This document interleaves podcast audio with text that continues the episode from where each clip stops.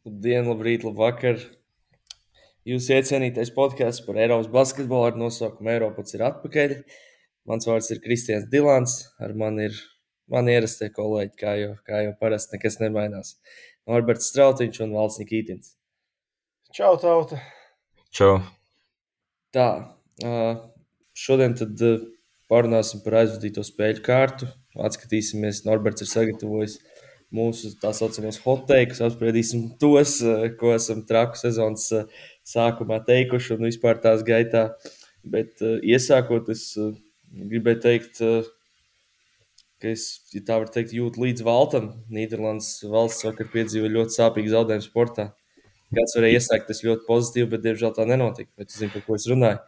Jā, protams, diemžēl vakardien man jau, starp citu, bija universitāte iedot brīvdienu. Viss jau, jau uh, tagad ārā pat uh, bērni nečalo, putni nedzird, viss slikti. Tātad, ja kāds nesaprot, par ko runāt, par ko mēs runājam, tad uh, vakardienā PDC šautriņu pasaules čempionātā notika fināls leģendārajā Elī Pelī kur uh, Nīderlandietis Maikls Van Gervens uh, piedzīvoja zaudējumu pret uh, Maiklu Smitu. Bet tā kopumā varētu pateikt, bija lielisks mačs. Es teiktu, līdz brīdim, tad, kad uh, Nīderlandieši šos sportistus, diemžēl, neko nevar izčakot vairs. Viss bija slikti. Bet tā, ko, ko no šīs spēles var atzīmēt, tā otrā seta, ja nemaldos, trešais laiks. Tiem, kas ir uh, skatījušies kādreiz šautriņus, nu nostītos to atkārtojumā, jūs zināt, ka tas ir uh, iespējams iespējīgākais, ko vispār šauciņos var redzēt. Nu, iespējīgākais vēl varētu būt pašā pēdējā legā, ja Smits būtu noslēdzis ar deviņām šauciņām. Tas būtu, tas būtu tiešām vēl iespējīgāk. Bet kopumā mačs mač skaists, bet nu, šodien tā, tā ir tāds ne, nepatīkams paģirs. Es nav forši. Ko tad? Brīvdiena tika atcelta oficiālā valsts brīvdiena. Oficiālā valsts, jā. Man pašam ir brīvs, bet nu, cilvēki pārējie, diemžēl, dusmīgi uz darbu šorīt. Iet viņam nav tik veiksmīgi kā man. Bet nu, tad gan jau pamazām, pamazām pie, pie basketbola varam ķerties klāt. Jā, Jā. Nu, tad, kas jums varbūt tāds spilgtākais atmiņā palicis no 2022. gada? Jo es, es uzreiz varu teikt, ka uh, it kā arī Eirolandā bija pietiekami gan daudz spilgtu notikumu, bet man tomēr uh, Eiropas čempionāta fināla turnīrs palika teiksim, tādā spilgtākajā atmiņā, varbūt nu, neskaitot Latvijas basketbola izlasi, jo uh, Iespējams, varbūt arī tieši tāpēc, ka mēs tur paši nepiedalījāmies un, un mēs bijām spiesti tādā maksimāli līdzjutēji lomā meklēt kaut kādus savus jaunos favorītus un iespējams vairāk sekot nekā parasti. Tas būtu noticis, ja Latvijas izlases spēlētu. Un, un šis turnīrs man likās piesātināts ar, ar, ar ļoti daudz intrigām, ar, ar fantastisku augstu līmeņu basketbolu, ar, ar lielu zvaigžņu klātbūtni, viņu spilgtiem sniegumiem un, un visām pārējām lietām, kas, kas tam iet līdzi. Kā, kas varbūt jums tāds spilgtāks palicis atmiņā? Ko jūs atcerēsieties, kas notika 2022. gadā? Nu, es varu pateikt to, ka numur viens lieta vismaz man, man ne tikai basketbolā, vispār sportā šajā gadā bija tas, ka Latvijas izlase pirmo reizi vēsturē kvalificēs pasaules čempionātam. Beidzot, tas jau pirms tam bija jāizdara, bet, nu, nu labāk vēl nekā nekad. Un, uh, man, man liels prieks par to. Jā. Nu, man ir vairāki notikumi. Tad uh, Eirolandes sakarā es vislabāk atceros uh, pusfināla maču starp uh, Anadolu Efes un uh, Olimpijākus, kad uh, Vasiljs Micičs pēdējā sekundē pāri Vezenkovam iemet tālmetienu un ieveda savu komandu finālā. Es domāju, ka tas bija tāds uh, sezonas notikums, uh, bet arī tas, ko jūs teicāt, uh, Man arī atmiņā noteikti paliks Latvijas-Turcijas spēle. Tad mēs gan vēl nenodrošinājām to pasaules kausu, bet tas bija ļoti liels un svarīgs solis tajā virzienā. Un, uh, tā man ir bijusi arī pirmā un vienīgā reize, kad es uh, klātienē arēnā esmu redzējis Kristofru Porziņu. Man uh, pirms tam nebija radusies tāda iespēja atnākt uz šo spēli, redzēt, kā latvieši visi vienkārši uguņo gan tribīnēs, gan laukumā, izpildīt tālmetienus, tur porziņus, dankos, praužu, vēl kaut ko nu, tiešām fantastiski. Un uh, Ergins ar Šeinu Lārkinu vienkārši noskatās, kā tas viss notiek. Un, uh, protams, arī tas Eiropas čempionāts basketbolā. Es, piemēram, neticēju, ka trīs superzvaigznes, Jokic, Jānis Luka, es domāju, ka viņi varēs, ka, ja kādiem viņi zaudēs, tad tikai viens otram, bet visi trīs zaudēja kādai citai izlasē. Un, nu, manuprāt, tas bija fantastisks čempionāts ar ļoti daudz pārsteigumiem un tiešām tāpēc arī pasaules kausa tagad būs ļoti interesants. Atkal solās viss, ka būs ļoti labi. Es varētu tā puspujokam piebilst, ka tu Kristapā Porziņa arēnā dzīvē redzēji arī, kas bija laikam, viens no pirmajiem jūlijā datumiem vai pašas jūnija beigas, kad viņš bija uzvalciņā uz soliņa saģērbies pret Serbiju. ah, taisnība, taisnība. Vēl, ja nemaldos, ja tu gāji uz U18 spēlē, kad viņi cīnījās par medaļām, tad viņš arī tur bija klātienē. Bet arī, arī ne basketbola drēbēs. Bet labi, Jā, tas tāds tīzls jociņš. Nē, nē, es gribētu. Es īstenībā gribētu pateikt, ka es Kristianam par to Eirobasketbolu ļoti piekrītu. Jo, jo tad, kad Latvija spēlē turnīrā, tad uh, kaut kā sanāk ļoti maz. Nu, kaut kam citam pasakot. Pārsvarā sanāk tā, ka vismaz man ir tā, ka es bez mazliet skatos tikai Latvijas spēles, līdz tam, kad viņi izkrīt ārā kaut kādā veidā. Un tad pēc tam es sāku beidzot kaut kam citam pievērst uzmanību. Bet kamēr Latvija ir, tikmēr, tikmēr nekas īsti cits, cits nenotiek. Tad pasaules kausā citas izlases neskatīsimies. Nu, nē, nu tagad jau vajadzēs. Tagad jau. Tur, uh, tur varētu būt īstenībā tas varētu būt salīdzinoši grūts posms, tāpēc ka laika starpības dēļ. Jā, tur, ja es nemaldos, tad tas sanāks mums visus agros rītos, laikam. Jā, jā, kaut jā. tā. Kaut kāds pa sešām stundām uz priekšu, kaut kas tam līdzīgs, septiņas mašas. Nu jā, tas, Bet, tas nepatīk. Tā Eiropas čempionāta sakarā var visu vēlreiz un kārtējo reizi teikt milzīgi paldies Robertam Štelmacheram. Paldies vēlreiz, Jā, Roberts. Es ceru, ka klausies malacis. Nē, man tas bija vienkārši jāpasaka.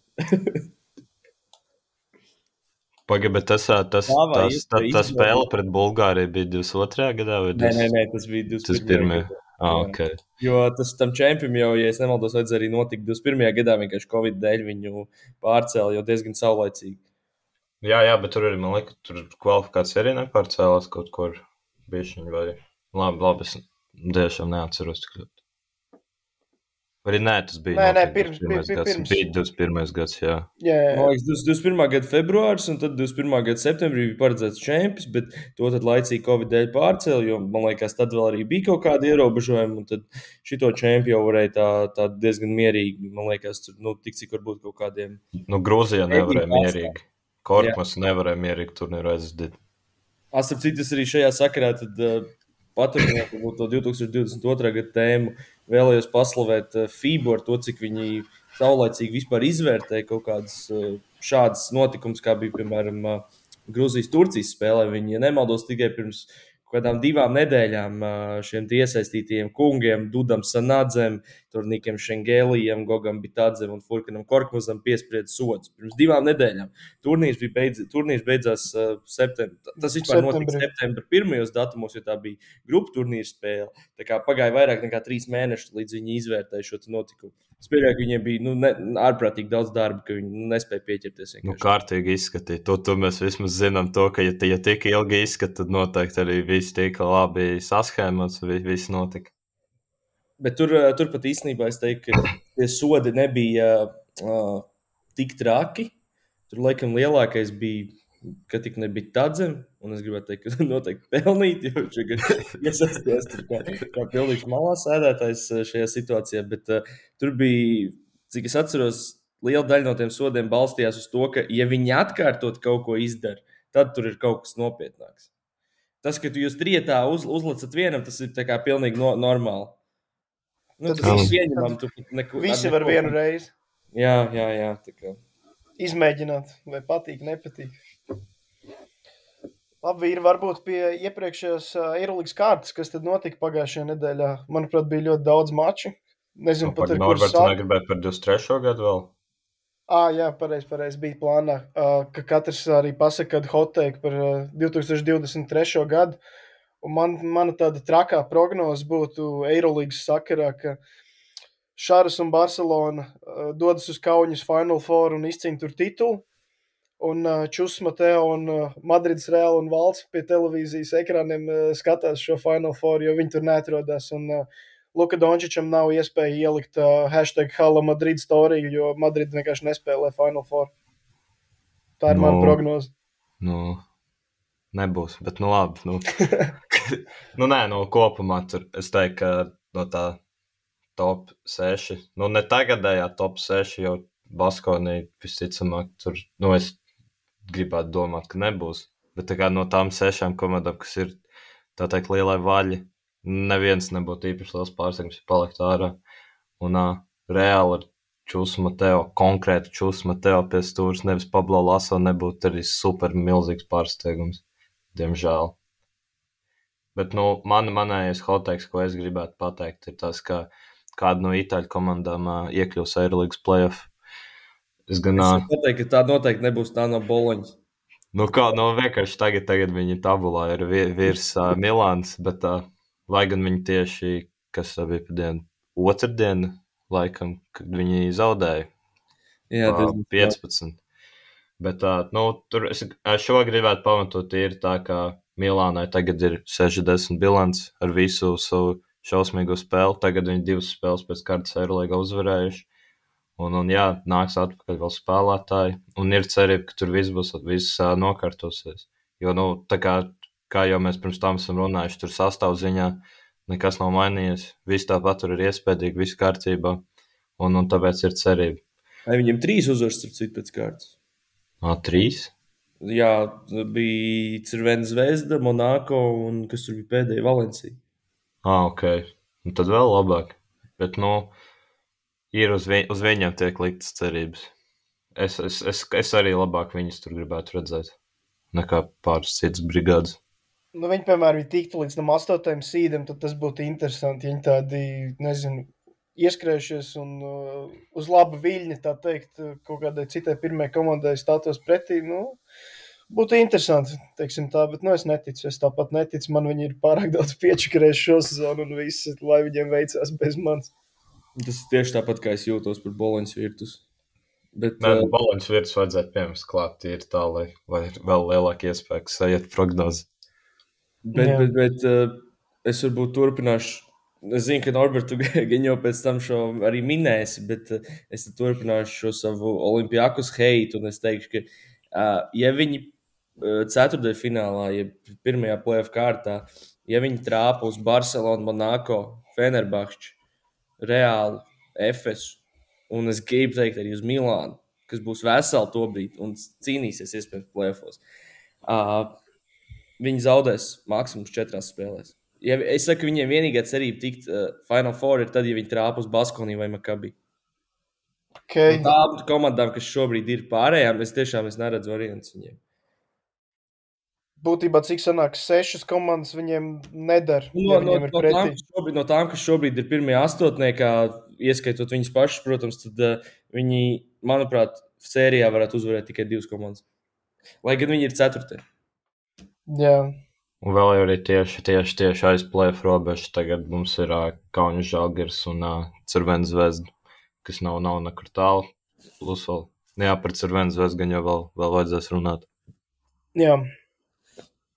Nu, tur ir interesanti, teiksim, tā kaut kāds 10, 12 komandas tiešām ļoti, ļoti nopietni kandidē uz astotnieku. Un, nu, tur līdzīgi ir. Jebkurš jebkuru var izsist būtībā. Vai, vai vācu komandas ir izstājušās no plēsoņa skrējiena? Diezgan droši varam teikt, ka jā, man liekas, tur, tur ir tas pat nav hoteiks vispār. Tur, diemžēl, bija viss, viss, viss jau beidzies, manuprāt. Piekrīt, jā. Uzsversim, paturpinot par Olimpiju, kas, nemaldos, aizvakar tika izziņots, kas tas ir pirmdien, nu, respektīvi, vienā no gada pirmajām dienām tika izziņots, ka, ka ir pagarināts līgums ar, um, ar Sašu Vezenko, kurš uh, nu, tur bija arī noplūdināts tā, tā viņa alga un kā viņi tur pa gadiem pieaug. Laikam šo sezonu ir, ir 1,4. Tas, ko es sūtīju, tur bija pēc tam uh, palabots tās uh, finanšu detaļas, un tur bija 1,4 šo sezonu, 1,6 nākamā sezona un 1,8 pēc tam aiznākamā sezona. Bet um, viņam šo sezonu vēl nav vecais līgums spēkā par tām 900 tūkstošiem. Tur man liekas, viņam vienkārši pielikt klāt. Nu, labi, tas, ne, nā, tas nav pēc būtības tik svarīgi. Es vairāk par to, ka uh, tas ir, manuprāt, ļoti mazs cipars priekš viņa. Priekš tā, Jā, ka viņš ir Eirolandes top 3 spēlētājs un, un visi pārējie, es teiktu, saņem nu, vismaz par gandrīz miljonu, vismaz kaut kādiem 600, 700 tūkstošiem vairāk. Es nezinu, man bija tāda versija, ka iespējams Olimpijākas ir kaut kāds kompromāts pret viņu. nu, tas ir variants. Ne, neiet nekur citur. Nē, labi, es, protams, saprotu, ka viņš, ir, viņš tur Grieķijā audzis vēl kaut ko. Viņš, es domāju, jūtās ļoti ērti. Bet, nu, es nedomāju, ka viņam kāds nevarēja piedāvāt vairāk naudas. Bet es, es, es viena mana versija, kāpēc viņš varbūt paņems tik maz, jo tad iespējams, ja viņš paņem mazāk naudu, tad tiek sarunāts mazāks izpirkums, ja viņš grib braukt uz NBA. Tas tas mans minējums, kāpēc viņš varētu ņemt mazākus ciparus. Tur bija vienīgi kaut kas par to NBA, tur bija minēts, bet labi, tas varbūt arī nav tik svarīgi. Bet, uh, ok, arī varbūt nedaudz pārfrāzēt. Nu, nav tā, ka tur būtu 1,4 miljoni ir maza nauda, bet vienkārši es, es tā mīnu, ka tas ir gan jau kaut kāds Meliha Mahmutoglu cipars, tikai tam ir turku pasa. Apmēram no sērijas. Nu, varētu pateikt, ka, ja es nemaldos, tad uh, Marko Belnelli saņem pie divīšu aptuveni. Kaut nu, jā, tāds. Milošs arī, un, un, un arī, arī sodītais tur Nikšs un Gēlīgi. Virtus māki iedot nevišķiem džekiem liels cipars. nu, vismaz labi, ka ir cipari, ko iedot. Tas arī patīkam. Ir tā, kas nevar. Būtu stulbi Eiropasā maksāt visiem par diviem miljoniem. Bet viņi jau viņam maksā ar Eiropasā divus, ne? Nē, nu jā, bet tā kā nākamā sezona tas jau bija ar domu, ka viņi, ka viņi tā kā uz Eirolīgies. Un... Nē, nu, tur jāstāsta, man šeit viņi būs arī nākamā gada. Nav tā, ka liels cerības uz to, bet vienkārši nav jau nekā cita īsti, kas nāktu vietā. Tāpēc viņi. Nē, nē tas, jā, tas es, es arī, protams, tādā ziņā, jā. tas ir tā kā vienīgais variants.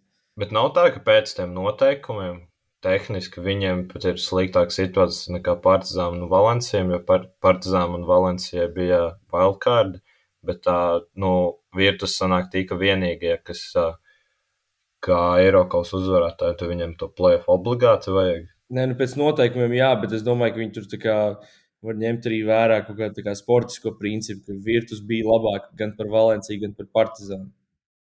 Nē, nu, tas arī. Es vienkārši tīri tā, tā domāju, tā teorētiski. Jo man liekas, tā tīra uz papīra sanāk, ka tiek Eiropas čempions, viņš netiek plēfā, viņš lido ārā. Tā vismaz jā, parasti tas, bija. Tad tehniski viņi varētu būt sliktākās pozīcijās. Bet man to jau redzēs.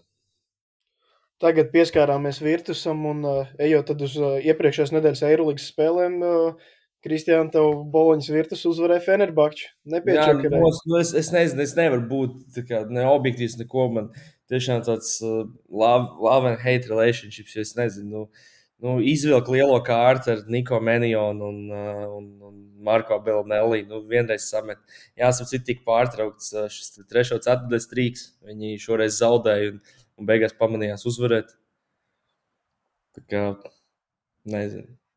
Es, protams, gribētu, lai viņi spēlētu plēfos, bet vienkārši to komandu ir sāpīgi skatīties.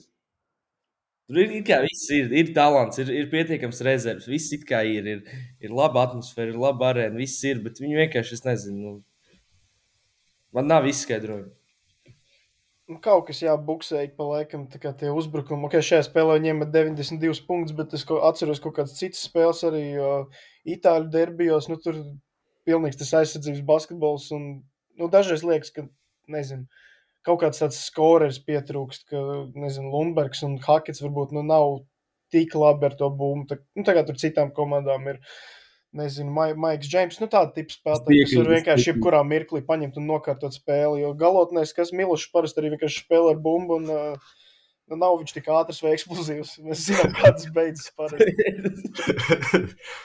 jo es saprotu, Lundbergs vispār tika ņemts principā kā, kā komandas pirmā opcija uzbrukumā. Un vēl plus, es teiktu, iespējams tas pat būtu ok, duets, bet uh, es nezinu, Hakets starpsezonā ir palicis divus soļus lēnāks. Uz pusotru reizi šokāks aizsardzībā. Nu, tas vairs nav vispār tas hakets, kas, kas bija. Jo atceramies, viņam arī bija pietiekami spilgtas spēles Eirolandā iepriekšējā sezonā. Viņš kā, tajā komandā, kur viņš spēlēja, viņš bija, viņš bija pat ļoti labs. Jā, viņš tur dažreiz pat 30 iemet un tā līdzīgi. Man liekas, ka šo sezonu būs kaut kas līdzīgs. Ar bet... visu Maiku Džeimsu. Jā, bet, bet man, nu, nekā. Man liekas, ka šajā spēlē ar Feneru tur. Uh... Es gribētu teikt, ka tā vairāk apstākļu sakritība arī sanāca, jo cik bieži tev Marko Belnēlis sametīs 11 punktus? Bet cik viņam 18 bija beigās? Cik bieži viņš vispār dosies laukumā? Jā, bija 18. Nu, viņš jau 4. ceturtajā tur pilnu cepuru iebēra kaut kādas trojkas, Jāņa Blūmas stila. Nepie, ne, nepievelkot kājiņas, bet, nu, tā kā jūs aptun saprotat, kādas Jāņa Blūma trojkas ir. Kaut kādas Jā. tādas viņš sarežģītas samet. Bet, nu, tu nevari īsti to paļauties ilgtermiņā, un cik bieži viņš tādas sametīs. Es gribētu vēl pa jolu atzīmēt. 20 minūtes laukumā, viens metiens no spēles, divi precīzi sodiņi, 10 piespēles, 3 pārtvērs bumbas, viena kļūda. Ja es pareizi atceros arī to vienu metienu no spēles, viņš uzmet kaut kad uz 4. ceturdaļas vidu vai beigām, un tie sodi Jā, jā. viņam arī bija kaut kad galotnē. Viņš, nu, viņš lielāko daļu no spēles uh, nospēlēja, nu, kā, kā pasaka, ļoti nesautīgi. Tie tiešām var uzslavēt. Tā kā viens kungs no Golden State. Tā, tā, tā aptuveni ir kā, kā Igijas ziedu laikos. Bet, nu, es domāju, ka var pāriet uz kādu citu spēli. Varbūt, piemēram, Cervena zvezda pret Barcelonu, Jā, kurā šajā, šajā mačā var, at- nu, Barcelona uzvarēja papildu laikā, kā jau mēs zinām, un, un bet tiesneši nedaudz, nedaudz tā teikt, tautas valodā runājot, nolažoja. Jo uz uh, pēdējo uzbrukumu pamatlaikā, kad Nikola Mirotičs iz, jā, izlaidzināja rezultātu, paši atzina, ka, ne, ka netika noslēpts auts. Un, un tādā veidā Cervens Zvezda zaudēja vienkārši uzvaru. Nu, tur, jo tur, nu, burtiski, ja Mirotičs nebūtu iemests, viņi būtu uzvarējuši. jā, jā. Uh, varbūt nepierasti, ka, kā, mēs pieradām Eiropas čempionāta laikā, kad katru nedēļu ir kāds materiāls par tiesnešiem, ko parunāt, kur viņi ir kļūdījušies, kas nav tā, un uh, Eiroligā varbūt tik bieži mēs neredzam to, un tad uh, man bija bišķiņ tāds pārsteigums, ka Džeks var divas sekundes pirms spēles beigām izkāpt sāna autā, neviens neko nenosilpja, un tad viņš iemet uh, trīnieku, bet arī ļoti iespaidīgs trīnieks uh, cepur nost uh, Mir Mirotičam un uh, dabūt pagarinājumu. Un, uh, nu, vispār šī spēle ir interesanta. Tur katru ceturdaļu vispirms viena komanda Barcelonai, tur plus 10, tad uh, otru ceturdaļu atkal pa nulēm, tad atkal plus 10 ir vienai, un beigās Barcelona tomēr maģiski atspēlēs. Tā kā tāds, nezinu, amerikāņu, ne, kā, ko es gribēju teikt. Nu, labi, jūs sapratāt, traki izrāviena spēle, teiksim tā. No amerikāņu kalniņa. Jā, jā, tas ir tas, ko es gribēju pateikt. Sapcīt, viens no šīm maču tiesnešiem uh, bija Igaunijas arbitrs Āra Halliko. Nu, tur viss skaidrs, man liekas. Man arī gribējās pateikt. Ai. Labi. Es, ja godīgi, es nezinu, varbūt es kaut kur smagi peldēju, bet es biju viņu galīgi palaidis garām, un viņš Eirolandā tiesāja jau deviņas sezonas. Ah, ok. Es, es nezinu, es zināju, ka ir, uh, ir tas uh, lietuvietis. Es tagad neatceros, kā viņu sauc. tur īstenībā pat bija vairāk lietuviešu. Es nemaldos, tajā Eirolandes tiesneša pulkā ir, man liekas, četri lietuvieši kopā. Kristaps Konstantīnos arī, man liekas, kaut kad tiesāja Eiropas. Viņš to taču tiesāja. Bet nu, tad tiesneši būtu vismaz man jāpamācās. Es arī no Cervenas Zvezdas Barcelonas mačā tiešām Robertu Lotermozu ar to es zinu. Pārējos divus, nē, diemžēl. Man uh, Roberts uh, Lotermozers uh, brīžiem jūka ar Emiliano Perezu. Jo Emiliano Peres ir tas, kurš bēdīgi slavenajā 2015. gada Eirobasketa grupu turnīra cīņā starp Beļģiju un Lietuvu ieskaitīšos divus punktus. Nemaldos, tas bija Mats Loģēskis vai Van Rosums. Nu, labi, nav svarīgi, bet viņš ieskaitīšos divus punktus, bet man viņa kaut kā vizuāli jūka. Tas tā ir tīri mana problēma. Un tad man visu laiku likās, ka viņš ir tā kā Roberts Lotermozers. Vēl, vēl var pateikt, ka Fi- Filipam Pētušam beidzot atmaksājās tas, ka tajā izlasē negribēja spēlēt. Rekord šo, šoreiz sameta viņš forši. Būtu izlasē spēlēs, nebūtu samets.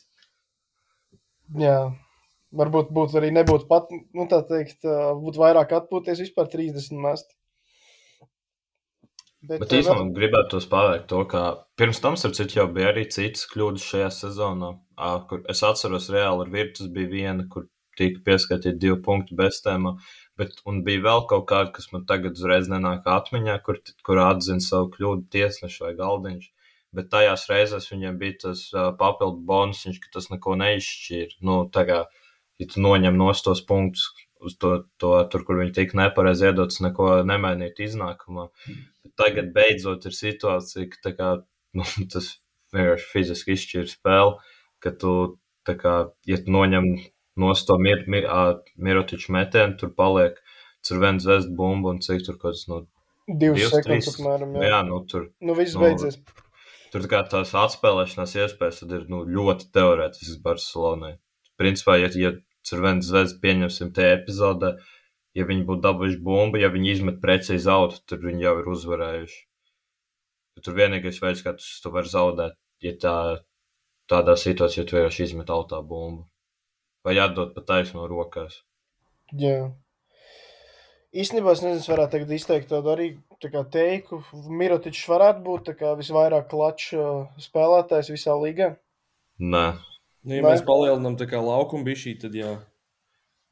Nu, jā tur ielai piedot klāt 10, 15 centimetrus un noteikti. Es teiktu, ka klačs gēnā ietilpst arī noturēšanās laukuma robežas.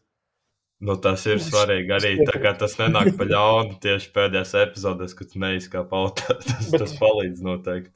Varbūt viņš zināja, ka nepamanīs. Tas tā kā Kobe Bryant, uh, Mamba mentāltī grāmatā bija tas, ka viņš stāstīja, ka viņš tur ir izskautojis, kā tiesneši ir novietot, ko viņi redz, ko viņi neredz, un tad zina, kurā mirklī viņš var nočītot kaut kādus noteikumus, jo viņi nepamanīs. Varbūt Mirotičs arī zina, ka sānu līniju klačā neviens neredzēs.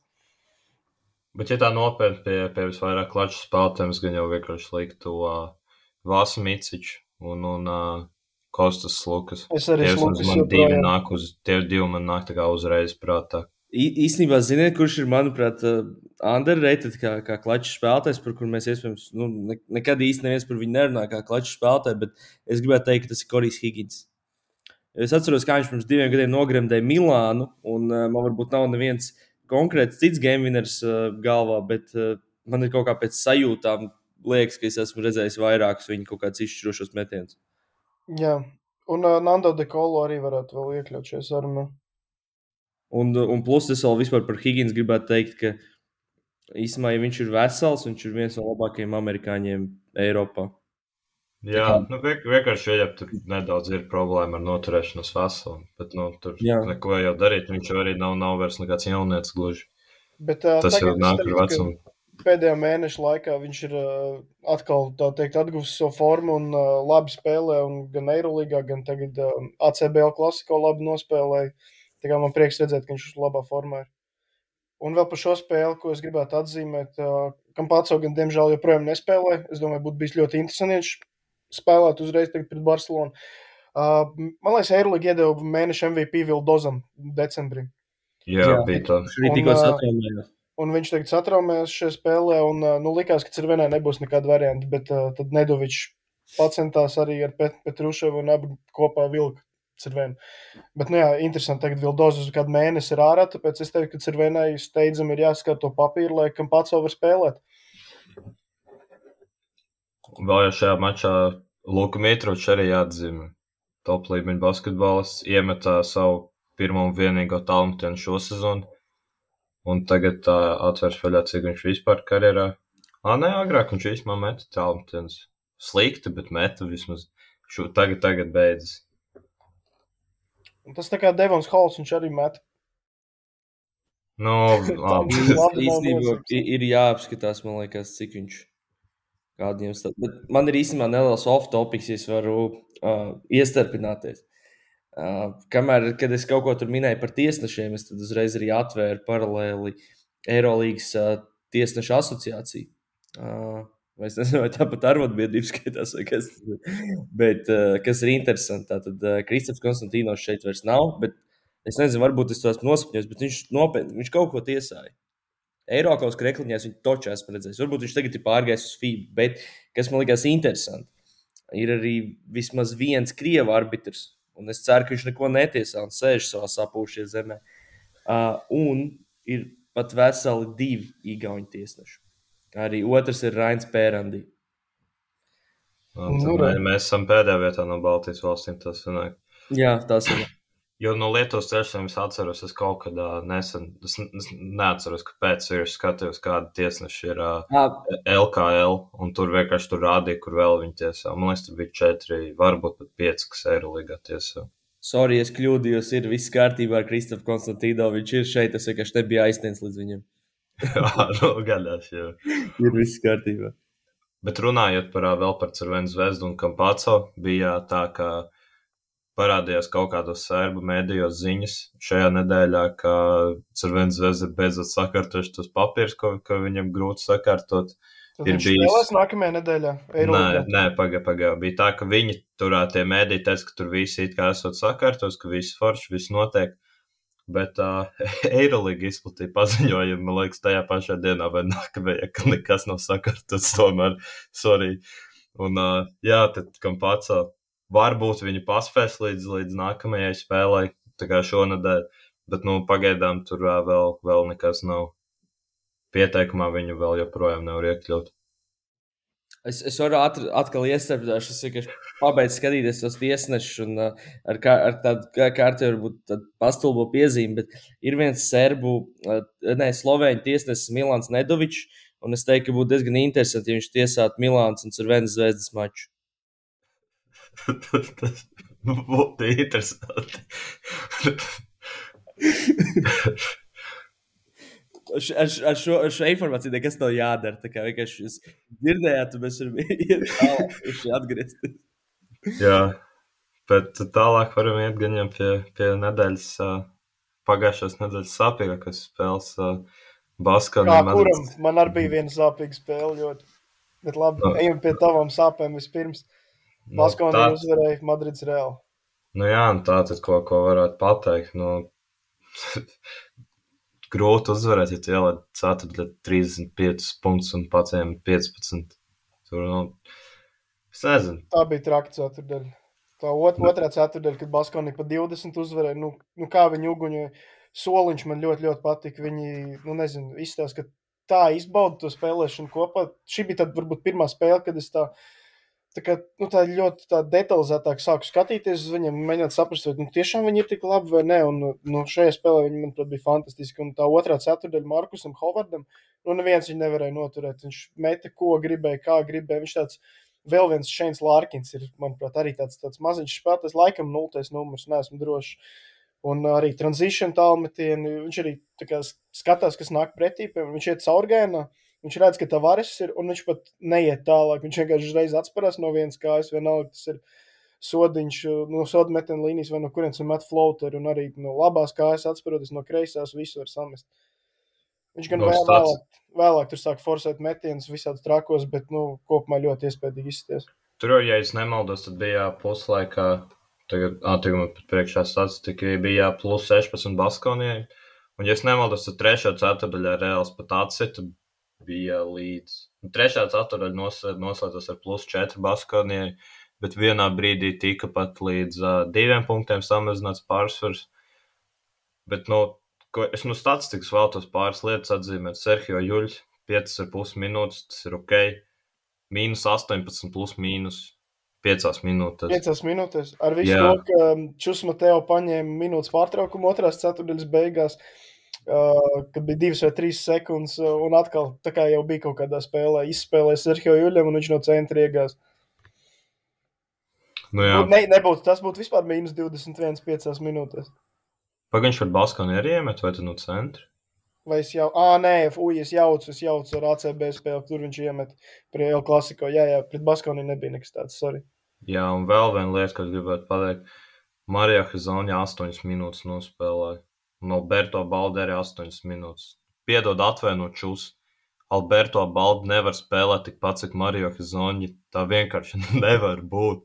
Un man, nereāli, man īstenībā tā, tā ir viena lieta, kas man iespējams uzlūk visvairāk, ka viņš to Hizonju vispār nemāk izmantot. Es nezinu. Nu, viņš ir aizsardzības speciālists. Nē, nē, tā kā, ok, viņš ir labs aizsardzībā, tur viss ir ok. Bet, nu, ja tu paraksti Mario Hazonis, tu viņu neparaksti kā, kā to lockdown aizsargu. Tu viņu paraksti, tu viņu paraksti, lai viņš to vāktu pie, nu, principā tādus pašus ciparus kā mūsu. Tas ir tas, ko visi no viņa grib redzēt. Arī, ja jūs kādreiz palasat kāds intereses pēc uh, Real Madrid Instagram komentārus, tur praktiski lielākā daļa no tiem ir to, ka kā Hazoņa var nespēlēt, un kāpēc tam Balder laukumā vispār. Es negribu teikt, tā, ka man ļoti nepatika baldi, bet nu, tu vienkārši nu, tu nevari viņus salīdzināt. Tas ir nu, kaut kas pilnībā, pilnībā cits. Jā, nu varbūt arī tad dekam vai musam kādu minūti ir jāatņem, jo nu, grūti. Bet viņi jau var, bet var, piemēram, Deks, Musa un Hezoņa pilnībā mierīgi var kopā spēlēt. Tā vispār nav problēma. Tad musam pa saspiču jau. Kāpēc pa saspiču? Liesnīs 2, 3, 4. Gan Hezonja, nu, gan Deks var pie četru spēlēt. Tā vispār nekāda problēma nav. Nu labi, tad ieliec tavāries kā centru un tagad atkal uh, jābusel sēž. Nu labi, bet tu vari viņus kaut kā samainīt. Nu, bet, blīn. kas pēc šīs problēmas, ka tev ir 12 labi spēlētāji un, un nevar neko izdarīt? Nu, ko lai dara? Nu, nē, nu vienkārši es, es, es īsti nezinu, tad, kāpēc viņu tad vispār parakstīja. Ja tu viņu nemāki izmantot vai negribi izmantot, es nezinu. Man vienkārši man, man sāpīgi skaidrs. Vēl arī žēl, ka Arthurs Kurts netika laukumā. Jo man īstenībā liekas, ka viņi varēja uzlaist. Gan man pašā galotnē varbūt tā bija sketča, jo tur bija, man liekas, uh, viņi, Nu, bija daži pavisam, viņi pavisam nodrošināja uzvaru bez mazliet no pēdējā pusotrā minūtē. Tāpēc tur varbūt nespēja. Bet tajā otrajā ceturdaļā, man liekas, tur varētu mūs arī laist laukumā. Tur viss, viss tāpat Baskonē būtu labi gājis. Pagaidām, Vispār. tas bija, tas bija Norčs ceturtais labākais basketbols, kurš netika laukumā.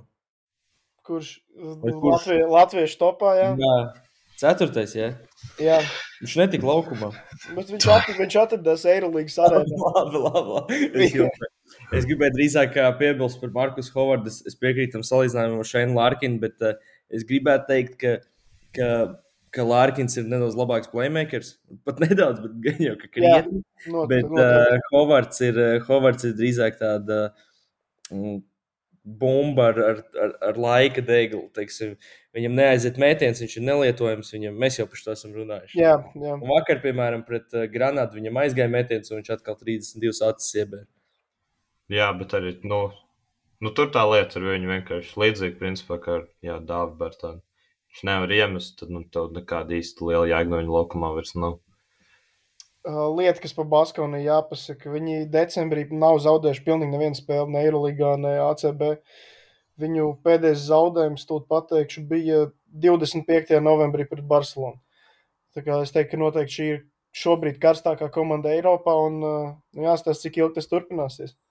Izskatās jau labi decembrī, kā jau mēs tur iepriekš jau runājām, divreiz Turcijā uzvarēja, tagad Madrids Reāli. Tā kā visi pēc kārtas arvien drošāk un drošāk soļos plēfiem. Lai gan tas tā bija neticami likās, bet nu, tagad jau jāskatās. Nākamā spēle bija pret Barcelonu, laikam, jā. Eirolandā viņam vismaz kaut ko. Es neesmu skatījies. Nē, pret Berlīnas albu viņa spēlē, Ah, ok, labi, tur viņi arī uzvarēs. bet no izbraukumā. Un pēc tam Valencija mājās, Bajans, Partizans. Nu, tur pat top 8 komandas nav jātiekās. Tā kā, ja tu uzvari visas spēles, kas jāuzvar, vēl, vēl 4 uzvaras dabūt. Okay, viņiem ide- idejas divas pēc kārtas viņiem vajadzētu paņemt. Vācija, Vācijas komandas viņiem vajadzētu uzvarēt, es domāju. Nu, tas, tas, tas, tas būtu diezgan tā kā objek objektīvs mērķis nākamajām spēlēm. Jā. Pa- Partizāns izbraukumos vienmēr ir ciets rieksts. Jā. Pēc tam Barcelona mājās, kas arī ir nu, mājās noteikti ņēmumi. Redzējāt, kaut kad bija tas video, kur uh, Partizāna arēnā uh, skanēja tā dziesma Freed from Desire, un uh, viss skolas vienkārši ārdījās. Nē, tur tas bija par, uh, uh, par Aleksandru Mitroviču. Viņš tur bija ieradies. Viņš Serbijas bija izlases. serbi, jā, viņš ir serbu derbī, man liekas, tieši. Jā. Jā, jā, jā. Es vienkārši bija- redzēju, man, nu, es gribēju tur atrasties. Tas, tas ļoti labi bija. Bet tā varam pāriet pie manas sāpīgās spēles. Uh, es tiešām esmu diezgan bēdīgs. Uh, Kaunis Žalgiris aizbrauca uz Monako. Aizvadīja labu spēli līdz konkrētam mirklim. Būtībā trīs ceturdaļas kontrolēja pilnīgi visu. Rolands Šmits bija labs. Um, Maikam Džeimsam iedeva tādu diezgan apšaubāmu uzbrukumu piezīmi. Laikam trešās ceturdaļas sākums tas bija. Un pēc tam Maiks Džeims nolēma, ka viņš vēl uzmetīs pa grozu tādu niknu vie- vienrocīti, tādā tautas bumbas manierē. Un dabūja uzreiz arī tehniski, un tā bija ceturtā piezīme. Un tagad ir trešā ceturdaļas sākums, Žalgirim ir apmēram plus desmit. Maikam Džeimsam četras piezīmes. Starp citu, pirmā spēle piecu gadu laikā, kad Maiks Džeims nevienu field goal nav iemetis. Tā kā arī ar to Žalgiris tika galā, Lloyds nespēlēja. Nu, bija visas iespējas, lai uzvarētu. Bet galotnē kaut kā viņi nespēja atrast metienus. Um, aizsardzībā ļoti vienkārši iekrita. Likās, ka man, viņi vienkārši nevar pilnīgi neko izdarīt Monako. Uh, Elīsa Kobo vienkārši apzoga visu, ko grib, un tad skrien un ar divām rokām sprauž no augšas. Nu, sāpīgi skatīties. Un epizode, kas man palika prātā, arī bija kaut kāds plus 5 vai plus 7, 4. ceturdaļas vidus. Uh, Evans iedod fantastisku piespēli Kavārijusam Heizam. Apakšā un Kavārijus Heizs pilnīgi brīvu danku vienkārši ieliek stīpā un visam tam aizskrien un, protams, iemet kaut ko pretī. Klasiski Kavārijas Heis. Ja nemaldos, tad, mēs apmeklējām Žalgiris spēli pret Baļāru, man liekas, Kavārijas Heis arī divreiz aizdankoja garām. Nu, viņam bija grūtības ar finishing, tīpaši, ja tur kāds bija klāt. Un uh, pēc tam jau arī Maksvitam, laikam, tas, uh, uz nerviem jau viss, viss krīt, un tad uh, viņš uh, ar Birūti izvēlējās spēlēt lielāko daļu galotnes. Viņam vēl vispār teiktu, problēma ir ar, ar bumbu noķeršanu, jo ir, um, es teiktu, ir divi veidi cilvēki. Viens, kas to sauc par sviestu pirkstiņiem, otrs, kas to sauc par sieru pirkstiņiem. Bet tā būtība nemainās. Viņam rādas ir pirkstiņi, viņam, nopietni, viņam bieži ir problēmas. Un bija pat kaut kādas spēles, kur man liekas, uh, vai tik tas nebija pēc Venezuelas zvezda, kur, kur it kā Evans galotnē sakrāk kaut divas vai trīs kļūdas. Visas bija tīras to, ka, ka, uh, ka Vārijas Heis lika lietā šos pirkstiņus savus. bija problēmas ar bumbu apstrādi. Kas it kā parasti būtu laikam, problēmas ar bumbu apstrādi, kā, kā tādas, it kā laikam, būtu raksturīgākas citam sporta veidam, piemēram, futbolam vai, vai hokeja ar īpas apstrādi. Basketbolā it kā nu, noķert, tas, tas varētu būt viens no vieglākajiem elementiem. No, tā kā no tā visa, kas tam basketbola laukumā jādara, no, noķert bumbu noteikti nav pats sarežģītākais. Jā. Es arī varētu ja, pateikt, ka man ir jāiesprāž, nevis stīpā jāieliek. Tas arī, tas arī noderīgi. Kāds, cik viņam 20 gadi jau ir? Vai, nē, vai viņam bija kaut kāds 208? Nu, garš, pie, var, var iedankot. Nu, viņam, vai, viņam, vajadz, jā, viņam vajadzētu varēt ielikt dāngu. Tas tā kā tad nevajadzētu būt milzīgi daudz prasītam no viņa. Es varētu atzīmēt, ka Maiks Džeims man bija vienā fantasy komandā kapteinis. Man arī, jā. Un viņš savāc, jā, mīnus, mīnus trīs, ne vairāk, ne mazāk efektivitāti. Tā kā tas forši. Tas nozīmē, ka nākamreiz atkal jāliek, jo viņš bouncebackus. Jā, man arī liekas, ka Maiks Džeims ir tas, kurš man liekas, tas strādā, viņam nav divas sliktas spēles. Viņš tagad būs apvainojies un vienkārši ies pēc kādiem 30. Nu tā, es arī, es domāju, ka man viņš jāņem. Ir. Es neesmu apsties, ar ko viņiem spēle, bet es domāju, ka viņš būs labs. Un uh, nākamajā dienā viņš ir uh, savu komandas biedru, kurš iespējams brīvajā laikā ir matemātikas skolotājs, Donta Kols. Viņi abi devās uz uh, Grieķijas derbiju, uz uh, Panathinaikos, uzņēma Olimpijakus savās mājās. Un, uh, Saša Vezenkovs nemaz nespēlēja, un atmosfēra bija jaudīga. Droši vien Panathinaikos fani gaidīja uzvaru, bet tā vietā mīnus 24 zāģis pret Olimpijakus. Es saprotu, yes. ka tas, tas bija ļoti random no Maika Džeimsa puses. Man tā liekas, es nezinu. Jo, cik es atceros, viņš arī Panathinaikos nav ļoti mīlēts. Un pēc tam, ja nemaldos, vai tas bija tajā pašā dienā vai nākamajā, viņš vēl uh, esot trenējies kopā ar Vasilis Panulu. Nu, drīzāk Vasilis Panuļu vadībā. Jā. Man liekas, ka tajā pašā dienā kaut ko jā, un... Twitterī vai ko bija ietvītojis, ka pat viņam off-dayā ir jā, jā. kopā gan treniņš, gan vēl jāapmeklē spēle. Kaut kas sūdzējās līdzīgi kā džemper mājās sēžot. Un, ja es nemaldos, šī bija kaut kāda, es, man tagad nav priekšā tas tvīts, kurus to redzēju, bet tā bija kaut kāda lielākā uzvara Grieķu derbijā, vai Eiroligā, vai kur, vai pēdējā gada laikā, vai vispār, es neatceros. Bet, nu, man kopumā man Panathinaikos nepatīk, tāpēc es diezgan, diezgan priecīgs, ka viņas atsēd ne, nedaudz, lai, lai nomierinos Džeki. Saprotu, who is who. Es Jā, nu, redzēju, ka bija vakar vai aizvakar eh, Dēnam Radoņčam bija ļoti nopietna un gara saruna ar, eh, ar Pantnaikas īpašniekiem, ka, ka kaut kas beidzot tiks mainīts šajā komandā.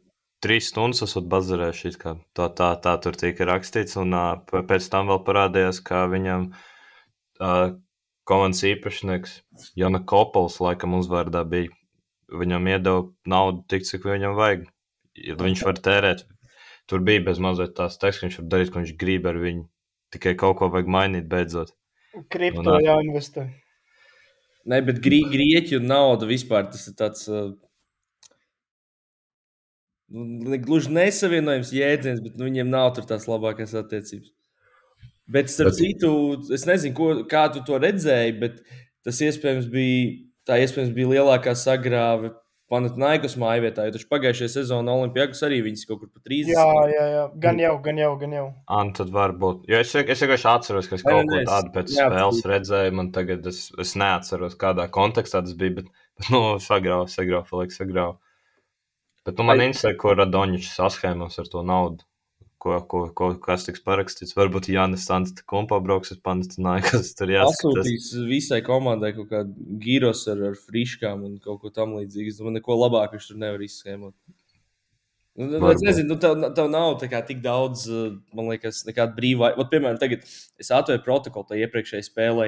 101, 73 Olimpijas uzvarēja. Rezultātīvākais spēlētājs tajā mačā - Derils Meikons.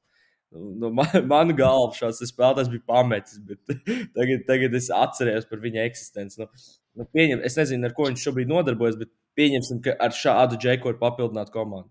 Vai viņš padara uh, Panathinaikos uzreiz krietni stiprāks? Nu, nē. Nē, noteikti. Es nezinu, kas ir, kas ir tie basketbols, kurus tu vari parakstīt šobrīd, kas padarīja to komandu. Nu, tev ir jāņem reāli kāds vai no Ķīnas, kur kaut kad drīzumā, man liekas, beigsies sezona. Un uh, otrs variants ir uh, kaut kāds NBA free agents sakasīt. Nu, tur, nezinu, kā, bet arī kur tev kaut kāda garantija, ka viņš uzreiz būs darītais Eiropā. Nu, jā, un tie paši bija, piemēram, es, ne, es nevienīgais, kas man nāk prātā, ir uh, Tailers Dorsis, kurš pirmkārt neiet uz Panathinaikos, jo viņš bija Olimpijāks, un otrkārt viņš jau viņš, viņš gaida tur līgumu kaut kādā NBA desmit dienu. Jā, es arī lasīju, ka viņš nu, grib palikt un mēģinās palikt, ka viņš vēl tā neskrien uz Eirolandu pagaidām. Bet runājot par šādiem leģendāriem Eirolandes basketbolistiem, es varētu pateikt, ka es laikam aizvakar redzēju, ka Tais Websters parakstījis līgumu Austrālijā. Tā kā tas forši. Bet viņš, viņš nebija atgriezies Turcijā gadījumā vai kur? Es nezinu, ne, viņš tikko parakstīja vismaz Austrālijā. Okay. Ja es nemaldos, Pērtas, neatceros komandas nosaukumu. Wild. Jā, viņš Wild. tur parakstīja līgumu tikko. Un, jā, jā diemžēl Eiropā tagad neredzēsim viņu vismaz es, kādu laiku. Es šo sezonu, diemžēl, neesmu Austrālijas līgai vēl pieslēdzies, bet uh, es esmu iepriekšējā sezonā ik pa laikam paskatījies, jo tur ir uh, Uh, tur salīdzinoši daudz interesantu spēlētāju. Tur ir interesants tās komandas, kas, ir, jaun, kas ņem tos jaunos talantus. Piemēram, pagājušā sezonā bija Usmans Diengs, kurš bija arī aizgājis diezgan augstu draftā. Tur, nu, viņiem ir tā, tā laba tā jauno talantu programma, bet tas, ko es kopumā gribētu pateikt par to līgu, uh, iepri, agrāk viņi rādīja Twitchā un YouTube. Uh, šobrīd es nezinu, vai viņi ir tik viegli pieejami, bet agrāk tas bija oficiāli ļoti viegli pieejams. Uh, Pirmkārt, ļoti kvalitīvs basketbols, ļoti labs produkcijas un, un tiešām es teiktu, interesants spēlētāji. Uh, tur pat bija, tagad izkrīt no galvas, bet uh, bija arī bijuši Eirolandes džeki. Uh, tur ir. Broks Motums negriezis. Broks Motums Japānā spēlē tagad. Aha, forši arī malets. Tā kā tur jā, es varu var papētīt, izpētīt, kas tur, kas tur tagad spēlē, jo tiešām, tiešām augsts līmeņa basketbols. Šis šiem. Jēlins Adams, kā viņš sauc, tas, kurš bija zvezdā sezonas sākumā, viņš bija, uh, viņš bija, man liekas, no Sydney's Kings. Viņš bija tur vēl viens no rezultātiem vai kaut kas tāds pagājušā sezonā. Un starp citu, uh, tieši šodien un tieši šobrīd notiek uh, regulārā sezonas spēle. Sydney's Kings ar uh, plus 8, 3. ceturtais vidū uzvar uh, Dienvidu Austrumu Melburnas komandu. Fantastiski. Pilnīgi bezjēdzīgi. Malači. ah, Rains, Rains, Brokovs, Rains Brokovs spēlē, piemēram, Southeast Melbourne. Um, Mitčs Krīks. Labi, Dilčs. Nē, vienkārši es, saku, es, es, es gribu noreklamēt, jo, jo reāli interesanti uh, interesant līga tiešām. Runājot par šīm eksotiskajām līgām, varbūt tā es pieņemu, ka kaut kādi mūsu skatītāji ir skatījušies, uh, bet tas uh, klausītājs ir skatījušies, bet es uh, ieteiktu uh, šo Filipīnu basketbolam apstāties. Tur, labi. Tur basketbols visu gadu risinās. Tur ir lielisks komandas. Ir, uh, tur noteikti kādam ir kādreiz sanācis pieslēgties. Man arī ir sanācis. Tiešām tur arī skaists foršs basketbols. Ne tik kvalitatīvs varbūt, bet interesanti vismaz. Tur citu tā, saucamais Tājas Websteris. Palika sausā pirmajā spēlē, bet uh, es nezinu, cik daudz viņš spēlēja. Es flashkorēju cauri. Bet, ah, Džerals Brantlijs bija tas, kur es domāju, viņš spēlēja New Zealand Breakeros. Oh. Un arī, protams, uh, Ziemeļkarolīnas Universitātes leģenda Breidijs Maneks. Viņš gan ir pērtā, viņš ir reāli komandas biedrs tagad uh, tajam Websterim. Oh, nu. Tas skaisti. Nu, Puerto Riko vai kur tur ir nonācis Jānis Tīm, tam varbūt jāsāk sekot līdzi. Jāapstāsta, Jā. kā basketbola spēle. Viņa sparring partneris Donovans Mičels, starp citu, 71 punktu iemet nesen. Tā kā vasarā bija labi pastrādājuši. Beidzot atmaksājās tie, tie vasaras treniņi. Jā, beidzot, beidzot Mičels ieguva kaut ko vasarā, kad varētu tiešām ar Jānu beidzot uzspēlēt. Tiešām Nu, priecē. svarīgi pēc tam NBA, jo NBA ir tā teikt, pilnībā mierīgi. Tā kā saldējamies tur vispār patīkami, viss viegli, forši. Bet uh, par, par Puerto Rico arī līgu runājot, uh, varbūt es pieļauju, ka mēs, mēs esam plus-minus izgājuši cauri Eirolangai aizdītai kārtai. Pareizi, ja tā saprotu. Jā, bet Jā. vēl ACB vajadzētu. bišķi. Nu, jā, jā, bet uh, man te ir. Uh, es izgāju īstenībā cauri, paskatījos, kas tad ir uh, pēdējos gados spēlējuši Puerto Rico līgā no tādiem zināmākiem vārdiem. Tad ir, es varu nosaukt šo te sarakstiņu. JJ Barēja ir spēlējis. Uh, tur Viņš jau nebija no turienes gadījumā. Nu, jā, jā, viņš tur noslēdz karjeru. Uh, Karlos Rojo. Jā, tas Tas tam arī nav kaut kāds 48 gadi jau. vai, nē, vai arī šitais bija. Es laikam skatījos, tur gāju caur Wikipēdiju, un daži bija laikam, no notable players, un daži no uh, pašreizējiem sastāviem. Tad Noris Skols arī tur ir slīpējis. Uh, Nemaldu, divkārtais NBA čempions, uh, slīpējis savas basketbola iemaņas-. Skals, Lebrona Džeimsa labā roka. Skals Labisjērs, kuram uh, metienu savulaik laboja arī kāds latviešu treneris Toms Jākapsons. OJ Mejo, kurš bija diskvalificēts par ko viņam tur patika zālīt, uzpīpēt, vai kas viņam tur bija. Kaut kas viņam liekas. jā. Nu, viņam, viņam kopumā bija problēmas. Tad arī Bonzi Vels, uh, Ronaldo Balkmans. Tas bija arī tāds interesants džeks. Uh, DJs Strawberries, kurš bija, es viņu atceros no Gran Canārijas, bet, ja nemaldos, viņš kaut kur arī kaut kādā franču komandā bija spēlējis. Uh, un arī Valmieras basketbola kluba leģenda Dors Fischers. Arī, arī ir bijis Puerto Rico. Uh, protams, arī īstenībā vēl viens no Jāņa draugiem, cik es saprotu, Tairiks Evans. Arī. Tad arī Viņš tagad spēlēja vai ir spēlējis? Es, es vienkārši pierakstīju notos, es tagad teicu, cauri, bet nav īsti pierakstīts, vai tas ir tagad vai bijis iepriekš. Uh, Džons Hensons arī bija Milwaukee tāds centrs. Uh, bijušais VFC aizēja Piņēro, tur spēlēja vasarās. Uh, tagad viņam gan ir krus, atkopjās no krustveida sēžu savainojuma. Uh, tad, ja atceraties, uh, kad bija U-19 čempionāts pagājušajā vasarā, nu, nesanāk, jau aizpagājušajā vasarā, uh, Puerto Rico izlases līderis bija tas Filips Vīlers. Iespējams, viens Nu, atceros. nenormāls atlētājs. Viņš man liekas, no sodiņa varēja tur pārvilkt kādu trīs cilvēkiem pāri. Un, protams, arī Prometē līderis Klavelito.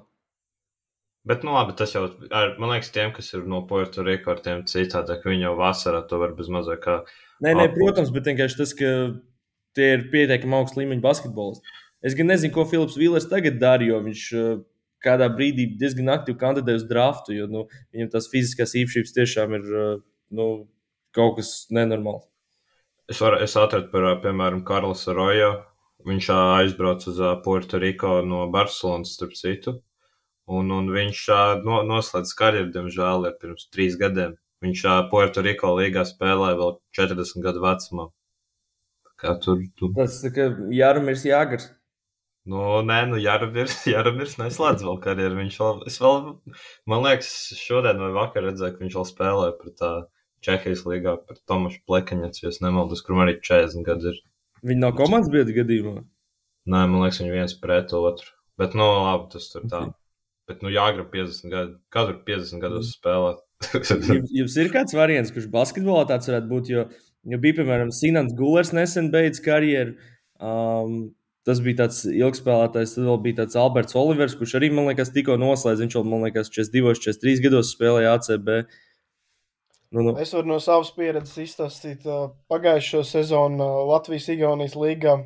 Uh, Tallinas uh, Kalevā tajā otrajā, tagad tā ir Audentes komanda. Tur spēlēja sezonas vidū tika parakstīts tāds uh, Valmo Krīsa, Ah, kuram bija 47 gadi tajā momentā. Un, tu iedomājies, kāds ir spiediens iet laukumā, viņu sekt, ka tu saproti, ka ja, ja viņš kaut vienā epizodē tevi izčakarē 47 gados, nu, bet, bet, bet Nu, es klausies, nezinu, nu, nu, tas ir. Nu, tu, tev reāli, tu, tu nedrīkst kļūdīties. Nu, nav, nav variantu. Tu, tu Nē. nedrīkst iekrist uz neko. Citādi tu esi vienkārši pats malacis. Nu. bet klausies, es, protams, neesmu treneris. Ja. Bet nav tā, ka, piemēram, viņš, viņš var tevi izčakarēt. Tādā tā konkrēti čakarēšanas nozīmē ar kaut kādu savu veterānu triku. Viņš nevar tev aiziet garām tur uz pirmo soli, vai es nezinu, vai tu nevari iekrist uz viņa džēbstep vai nu, kaut ko tamlīdzīgu.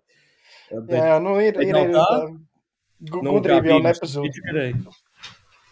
Kā vispār bija pret viņu spēlēt? Viņam ir 7 gadi. Jā, jā, jā, vienkārši ātri jāskrien. Bet uh, es arī pirms tam mēs tur ar komandas bērnu kaut ko paskatījāmies. Viņš tur Iga, tajā pašā Latvijas-Igaunijas līgā ir bijis gan MVP, gan gada aizsardzības spēlētājs, kad 15 gadus atpakaļ spēlējis kaut kādās 2001. un 2003. gada Eiropas čempionātos. Tā kā Džeksa pieredze.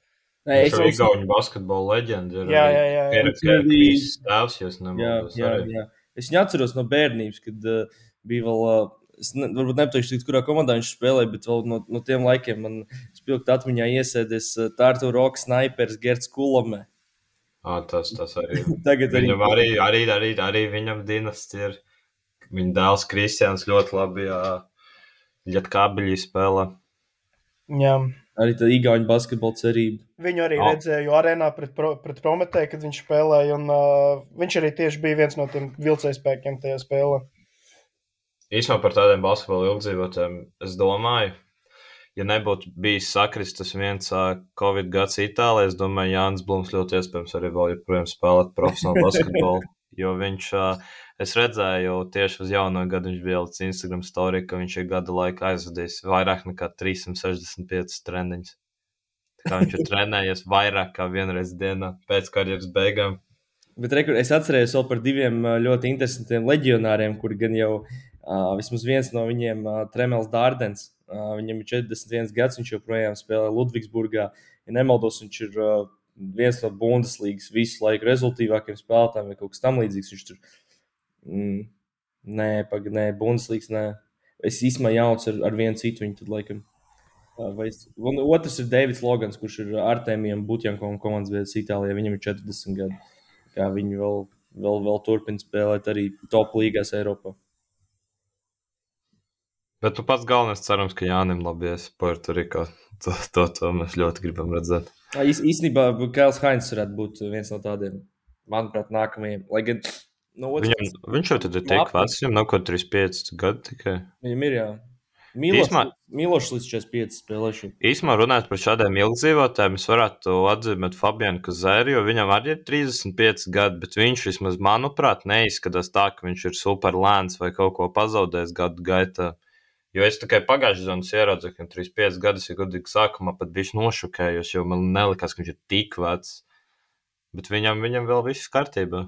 Viss galvas strādā, kā aiziet. Metiens neiet, bet nu, metiens var aiziet. Tā nav problēma. Viņš arī iespējams žestu fināla sērijas laikā pagājušā sezonā parādīja Barcelonai. Un tagad, kad bija uh, El Clasico ACB spēle, viņš izgāja laukumā. Nu, tas bija tas, ar ko man viņš asociējās. Un es pieļauju, ka Barcelonas faniem un spēlētājiem arī ir jāpaliek atmiņā kaut kam tādam, ejot viņam pretī. Nu, jā, bet, nu, es nezinu. Tajā brīdī, tajā brīdī man liekas diezgan, diezgan pareizi. Nu, nepareizi, bet, nu, likās ok. Nu, jā.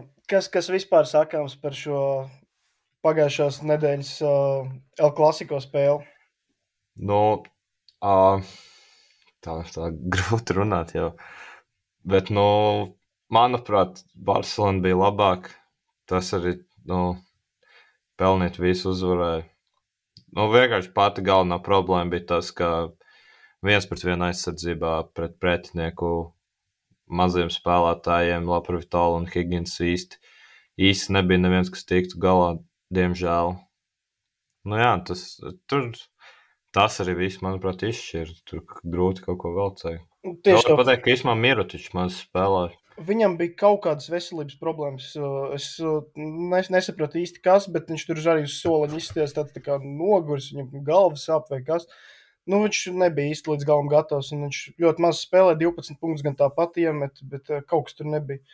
Nu, un arī īstenībā gribēju to pašu teikt, vienkārši, ka Lapro Vito un Higgins, nu, reāls īsti nevarēja viņus apturēt 4. ceturdaļā, kā viņi visu laiku nodarbojas grozu un dabūju lētos metienus no apakšas. Nu, tādas lietas arī izšķiras īvā spēlē. Ja tur piecas slēpjas vienkārši netraucēt iemest 4. ceturdaļā, nu, tad uh, tur arī ir tā uzvara. Jā, bet es, ko es gribētu atzīmēt ārpus basketbola, kas man nav skaidrs, kā tu vari dot spēli komentēt. Tādam šādu, šādu konkrētu šo spēli, Madrids reāli pret uh, Barcelonu. Kā tu vari viņu dot komentēt Mārtiņam Gulbim?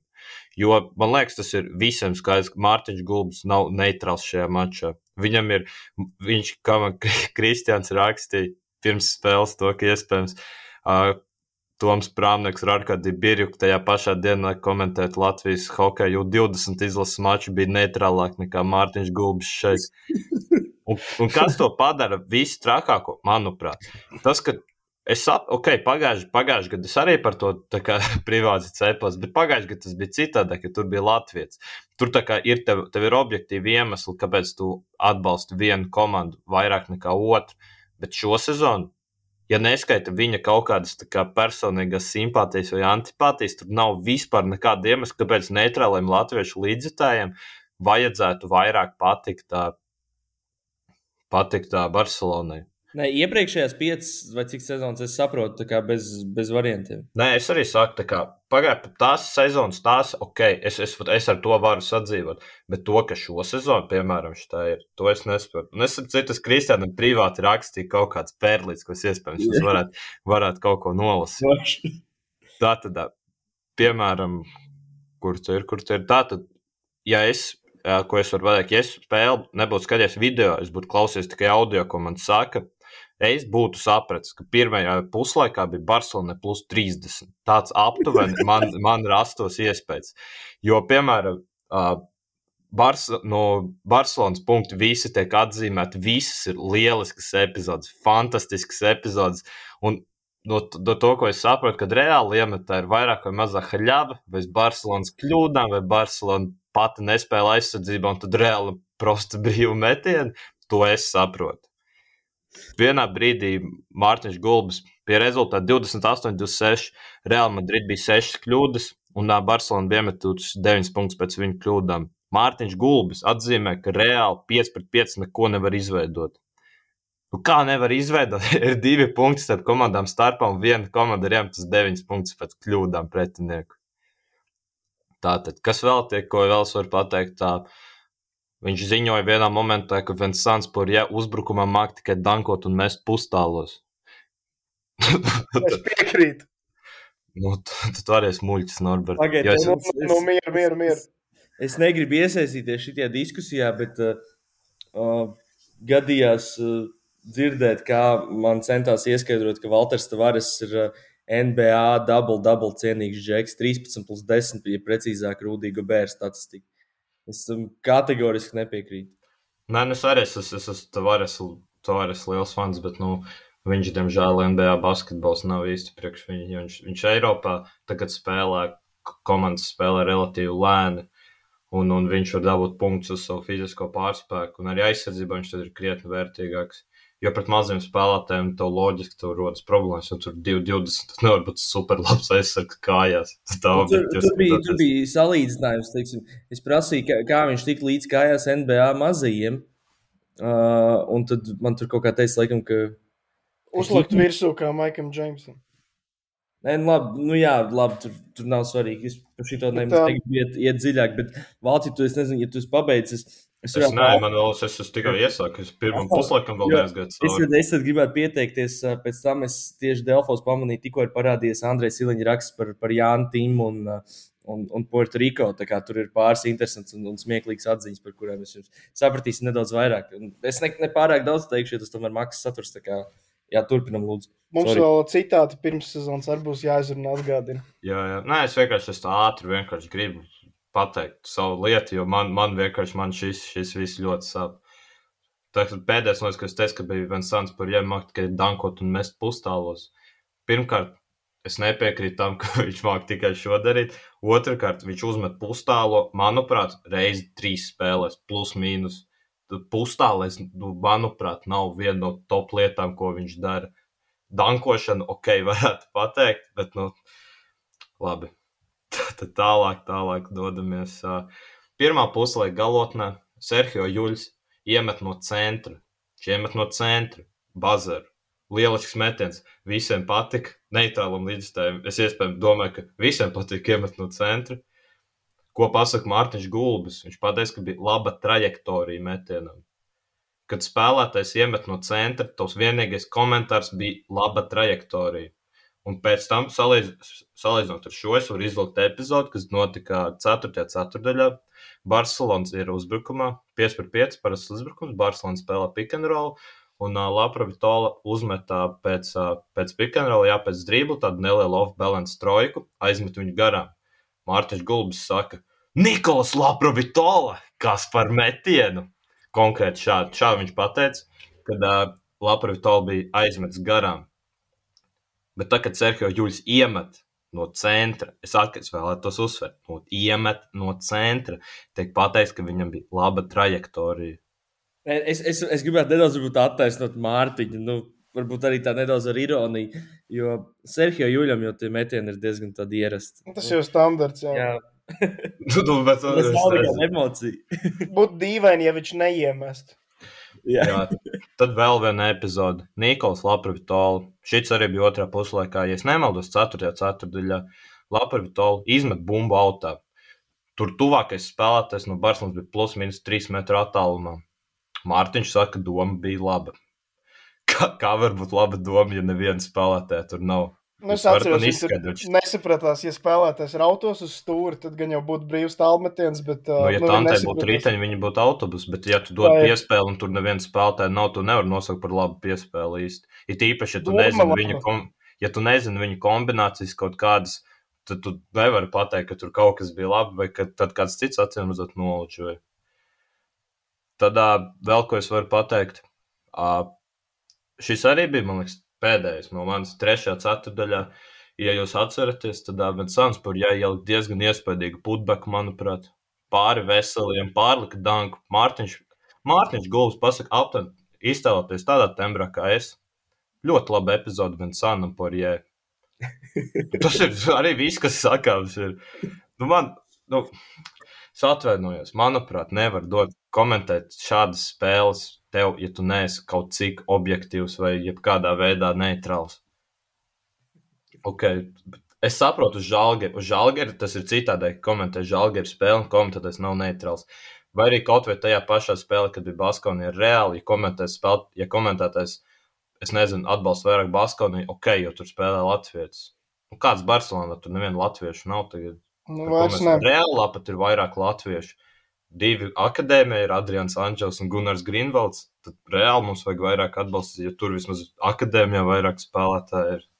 No, no kuriem viens, ap citu, tagad piedalās uh, Baltijas jūras kausa izcīņā, par ko mēs varētu varbūt nākamajā epizodē parunāt, kad, kad viņš būs noslēdzies. Vakar bija pirmā spēle, šodien otrā. Man tikai Balta Baltijas kausā man nepatīk, ka tur tagad pēdējos gados jā. Jā, jāmaksā, lai skatītos spēles. Es nemaldos, ko tas bija. 7 eiro, 7 eiro dienā bija. Ja? Jā, 15 jā, jā. pa visu. Man pret kaut kā, es nezinu, tad daudz. Bet, uh, ja gribat, es varu tagad īsi par Jānu tīmu, manuprāt, viņš ļoti interesanti. Tātad, atcerieties, uh, Kalevā pagājušajā sezonā, pirms divām sezonām bija tāds Kails Viņālis. Jā, atceros. Viņš ir spēlējis šajā līgā. Uh, cit, viņa citāts par Puerto Rico čempionātu. Nopietnu treniņu nav, tikai metieni. nu, tieši kā Jānis. Viņam jau, cik es esmu redzējis, viņa treniņš, viņam pārsvarā tur metieni vienkārši. Tad, tad viņš turpina. Spēles stils kopā ar dzīvesveidu. Vienmēr saku cilvēkiem, ka man personīgi Puerto Rico šķiet vislabākā vieta pasaulē, kur spēlēt profesionālu basketbolu. Tad, vēl, protams, tas, ka tas tiek uzskatīts par 51. Amerikas štatu, kur Jānis tik ļoti iecienījis. Tad bez tiem varbūt minētajiem spēlētājiem, ko es jau nosaucu, ir Prometēja līderis Dunkers Stefens, tur spēlējis arī. Un arī viens pilnīgs Ivans Gandīrosa. no, bet viņš arī pats tur tur ir kaut kas arī citādi. Un, un, un arī Aleks Renfro tur esot divas vasaras pavadījis. Oh. Par algām. Uh, labākie leģionāri pelna no 10 līdz 25 tūkstošiem mēnesī. Bet cik viņam mēneši tas sezonā iet? Es domāju, ka salīdzinoši īsi. Viņa... Man liekas, ka parasti basketbola skaits 10 mēnešus. Es tam izlasīšu uh, pilnībā, bet tagad es tā vienkārši ar acīm pārskrēju pāri pa diagonāli lasot. Tur jā, ir īsta tā sezona. Uh, Pagaidiet, 10 mēnešus. 20, 21. gadā lielākā ārzemnieka alga bija 125,000 dolāru par nospēlētu sezonu. Tā kā, nu, ja tas ir 25, tad tie būtu 5 mēnešu sezona. Ah, ok. No, okay. Tad uh, bez vēl minētajiem, minētajiem jau iepriekš, uh, vēl viens Jāņa draugs tur ir spēlējis. Uh, arī tas ir NBA aprindās, iespējams, par odiozu uzskatīts Maikls Bīslijs. Oh, tas, tas, tas. Uh, arī NBA čempions Mario Čalmers. Un, uh, un Eiropā karjeru neizveidojušais Kenets Farīds, jeb The Manimal. Jā. Tā kā jā, tur varbūt kaut, kaut ko vēl te palaid garām. Bet nu pietiekami daudz tādu NBA uzspēlējuši džeki. Nē, es, principā, man tā, tā galvenā atziņa no tā, varbūt neizlasot visu uzreiz, bet tā pa diagonāli pārējot cauri, lasot starp rindām. Uh, galvenā atziņa tāda, ka viņš ir principā uz, uz ļoti nenopietnu čempionātu aizbraucis. Nē, nu, ok, tur, protams, tiek spēlēts nopietns basketbols, bet es ļoti šaubos, vai šajā karjeras punktā, kurā ir tīma, kad viņš nav tik ilgi spēlējis, kad parādās, protams, nezinu, cik tas bija tuvu, bet parādās baumas par Badlons Hoventu. Viņš iz, it kā izsaka vēlmu, ka viņš grib spēlēt izlasē, ka viņš it kā grib būt pasaules kausā, un viņš aizbrauc uz kaut ko šādu. Nu, labi, īstenībā ņemot vērā es viņu izlasu pēdējo, kā norakstu pēc šī tā godīgi. nu, tā ņemot vērā viņa Arturs pēdējo pieredzi, ko viņš pēdējos divus gadus darījis, nu, nav tā, ka tas šūp super šokējošs galvenmērķis.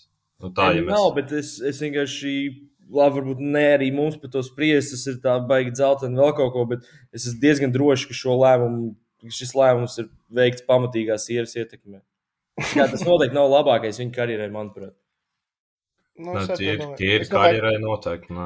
Tas no sadzīves viedokļa varbūt tāda, nezinu, ja tu saki, tie treniņi vienkāršāki, sadzīve laba, cits spēlētājs saka, ka viņi tur ļoti izbaudījuši laiku. Ir, nu, tā teikt, vairāk brīvais laiks. Miami, nu. Jā, Nu, aizbrauc vienkārši atpūsties, mierīgi uzspēlēt, silts laiks. Kaut ko maksā vismaz. Uzmest metienus. Uzmet metienus, Jā. viss notiek. Principā neko daudz nevar pārmest. nu, Bet nu, sliktā lieta tas, ka viņam jau nu, šogad paliek 31 gads. Karjeras iet uz beigām. Nav, nav, nav pats jaunākais. Un, diemžēl, jā, tagad jau, ja nemaldos, trešā sezona pēc kārtas, kas vienkārši nu, Nē, jo, neko nav darījis īsti. jo tad, kad parādījās tās runas par Badalonu, nu, tas izskatījās reāli ticami. Badalona Nu, nu, ir arguably labākā komanda ārpus Eirolandes. Es domāju, ka noteikti. iespējams, jā. Nu, jā, nu, nu vismaz Eiropā noteikti. Nu, es nezinu. Nē, nu, tīri tā kā no mūsu viedokļa, mēs nezinām visas apstākļus, bet no Badalona būtu bijis ļoti loģisks solis. Arī izlasē viņš sev atvērtu vairāk durvis vaļā. Jo, nu, Tagad viņš tāds nezināmais, tā teikt. Ja es nezinu, vai Luka Nu, Banka pa naktīm skatīsies. es nezinu, vai Luka Banka pa naktīm skatīsies Puerto Rico līgas mačus. Zinot viņu, viņš gan jau noskatīsies. Nē, nu gan jau nostīsies, bet, nu, nu kaut kā, es nezinu, es esmu daudz par viņu slikti teicis, bet, nu, ir, ir nedaudz, nedaudz žēl tomēr. Jo, nu, savā, tā teikt, heidējā jau viņš bija ļoti labs. Bet, nu, žēl, žēl, ka viņš principā noslēdzās jau pirms, pirms viņa 30 gadiem.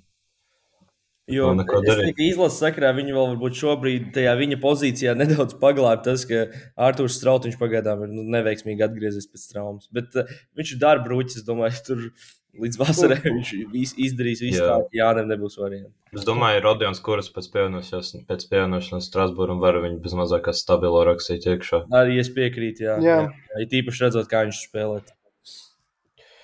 Labi, ir vai Kaut esat? kam Viņš nebija no mums, vai ne? Ko tad? Kaut kam viņš nebija no mums, man liekas, es Man nebija. Jā, Man nu, Es jā. arī biju ielicis, jā. Kā Man nepatīk, man nepatīk, ka viņš driblē. es es nē. vairākas reizes teicu, un es, es turpināšu šo teikt, ka viņš nepatīk, ka viņš driblē. Un bakstās. Toreiz, toreiz Jānis izvēlējies virs Rodiona. Ja? Jā, bet tāpēc, ka Jā, man jā, jā, bija, nē, jo, jo tas bija tieši pēc tā loga, man bija kaut kāda cerība, ka viņš parakstīs normālu līgumu kaut kur Jā, nopietnā čempionātā. bet galva nu jā. pagriezās tā, ka Rodions ir izcilā vietā. Un, Jā, un, un, es, un es ar savu prognozes muļķu lomā nedaudz nostādīts arī.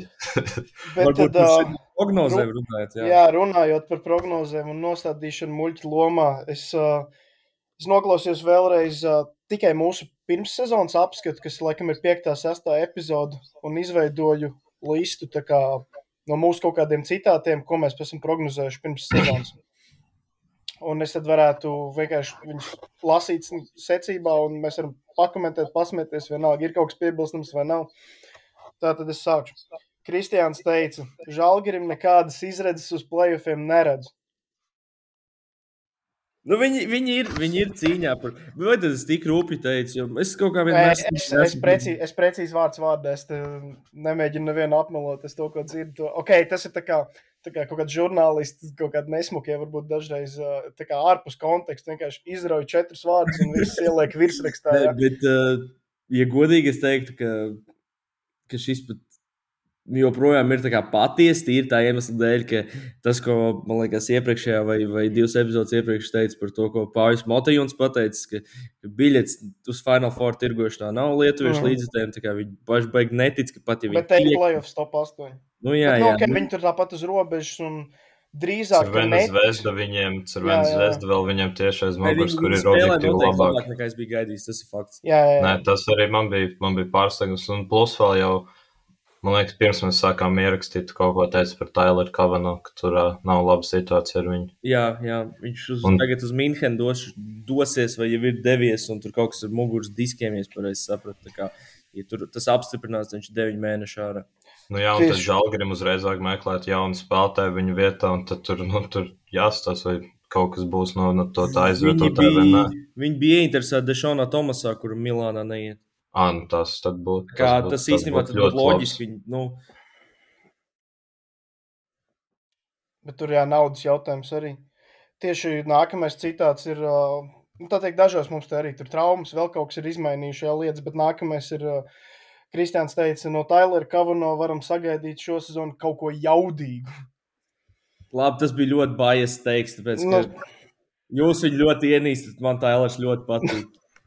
Nē, nu man pēdējā laikā nav, nav tik liels pretenzijas pret viņu. Man vienkārši, man agrāk, es ne, man, nu ne agrāk, pagājušajā sezonā, man vienkārši man tas žalgars viss nepatika. Tur nekas vispār nelikās labs. Un Tailers vairāk vai mazāk iekļaut tajā. Jo tu, jo tu arī pagājušajā gadā mums teici, ka Tailers bez mazliet labākais aerolīgas basketbolists. Nu, nē, nē, tik nopietni tas nē, tas ir jautājums, bet nu tā kā man vienkārši nezinu. Nē, bet man par Taileru nav baigās pretenzijas. Tailers ir underrated. Jā, viņš bija tāds pozitīvs stariņš tajā pagājušajā sezonā. Jā, atšķirībā no tā, kad jūs viņus vairāk heitojāt. Es heitojām, mums vienkārši nemīlējām arī neitrāli. Mums, mums... Pagājušajā sezonā bija labākais žalgars spēlētājs, manuprāt. Nu, tas nav super liels sasniegums arī tajā, tajā žalgara komandā būt labākiem spēlētājiem.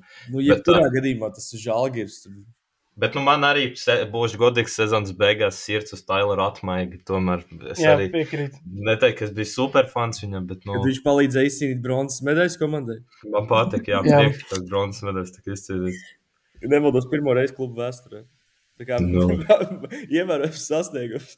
Jā. Arī ārpus konteksta pilnībā. Ok, nākamais valsts teica, es īstenībā tagad turpmākajos citātos mēģināšu pielikt arī intonāciju, lai skan jaudīgāk. Tātad valsts runājot par Milānu. Šī noteikti ir Eiropas top 4 komanda. Nu, es uzskatu, es Uz uzskatu ka es piekrītu. komandas sezonas sākumā pirms tika nospēlēts šī kādas spēles, manuprāt, tas bija diezgan objektīvi. Nu, to, ka, to, ka viņi, viņi ir visus pievīluši, tas ir fakts, jā, tas ir fakts. Reku es varu vēl, tad nākamais, ko es teicu. Milāna šovasar ir spērusi lielāko soli titulu virzienā. Tagad, tagad redzu viņus kā ļoti nopietnus titulu pretendentus. Es saku, jūs viņus esat pārāk ātri norakstījuši. Un šodien es saku, ka viņi ne, nespēlēs plēsoņu. Nu, Viņi nē, es, būs. es jau esmu izteicis prognozes, ka viņi būs. Viņi vēl būs cīņā par plēsoņu. Nu, Varbūt beigās titulu vinnēs. Ko, ko Nav jau, viņi, nav jau viņi arī tiešām tik tālu no plēsoņa. Viņiem divas uzvaras līdz astotajai vietai. Nu, tas, tas tā kā pilnībā mierīgi izdarāms. Nu, man vēl baigi iedod tā kā pulsiņu viņiem tas, ka viņi ir legit, ie- legit nopietni, nevis nopietni, bet viņiem ir legit iespējas tā kā to izdarīt, Nu, uzvarēt. Viņi Tas. tagad ir trīs spēles pēc kārtas vinnējuši, un tas tā kā jau. Tas vairs nav 3-10 bilants, tā jau ir 6-10 bilants. Un, nu, parādās varianti. Un tur ir svarīgi, ka kaut kāda pārliecība tās uzvaras iedod. Tā kā Tur, tas nav vien, vienkārši nevar skatīties tam tikai kā cipariem tabulā. Jā. Jau komandai arī to palīdz spēlēt, ja tu esi uzvarējis kaut kādas spēles jau pirms tam. Uh, nākamais. Kristians teica, Brendons Deivis pakāpsies līmeni augstāk nekā Barcelonā, jo tas, ka viņš spēlē kopā ar Mirotiču, viņu ierobežoja. Atsevišķās spēlēs es teiktu, ka tā ir. Nu, kaut kādās viņš tur ir statistika ir. Bet es teiktu, ka viņam tāds tā var salikt, savēl kopā ar to tā kā komandas sniegumu. Nu, Jā, jā, jā. Nu, tajā visā Milānā ir grūti nosaukt kādu spēlētāju, kas uh, spēlētu labāk nekā viņš pirms tam. Ā. Mitru Longs.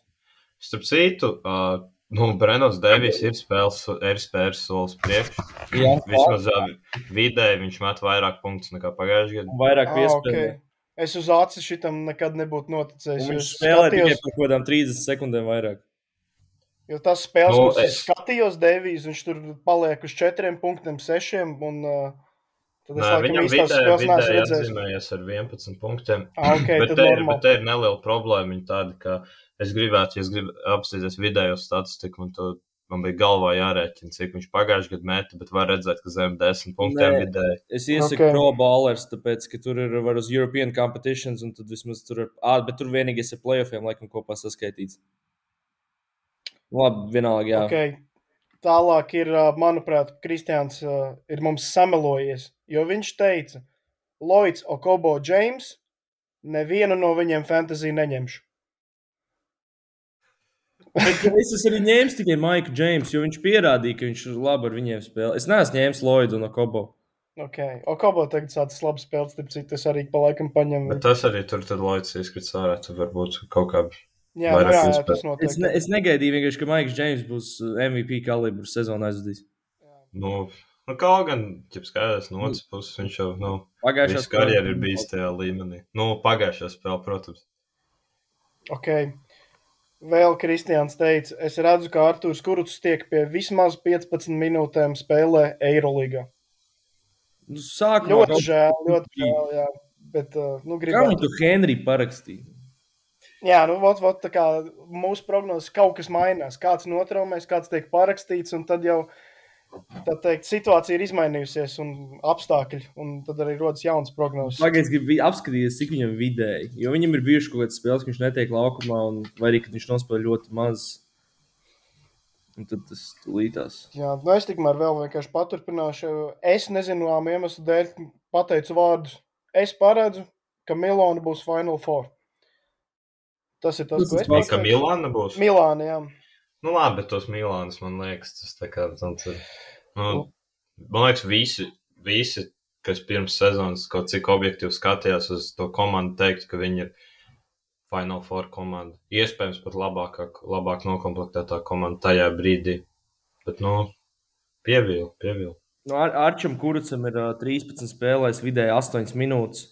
Viņš ir uh, 3 vai 4 izskatās spēlējis pa 3 un 4 minūtēm. Nu, sezonu viņš sāk ar 11,5 minūtēm. Tā kā, nu, Ne, nu, viņam sākumā jau, sākumā jau bija forši. Pēc Jā. tam, viņam vēl pēc Henrijs. tam bija viena spēle, man liekas, kad viņi Alba? 17 minūtes. Jā, jā tur, tur viņi ļoti pārliecinoši uzvarēja. Tad tur bija ļoti, nu, tā kā jaunas līgā laiks sadalīts pieciniekos principā.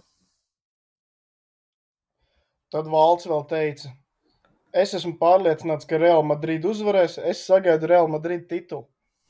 Nekas Nu, tas jau- nereāls, bet es vienkārši atgādinu. Tas jau Redzēsim. tagad, tu tagad regulārās sezonas vidū mēs skatāmies.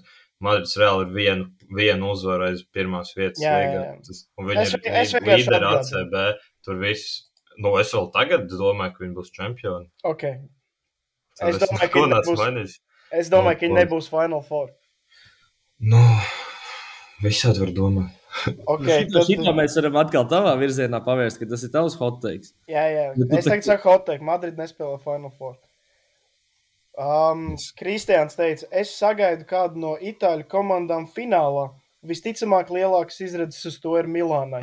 Nu, šīs tas pats par to Final Four, kad nu, arī tā kā jūs teicāt, ka viņi ir spēruši solis priekš. Nu, viņi piekāpjas mums visus. Nu.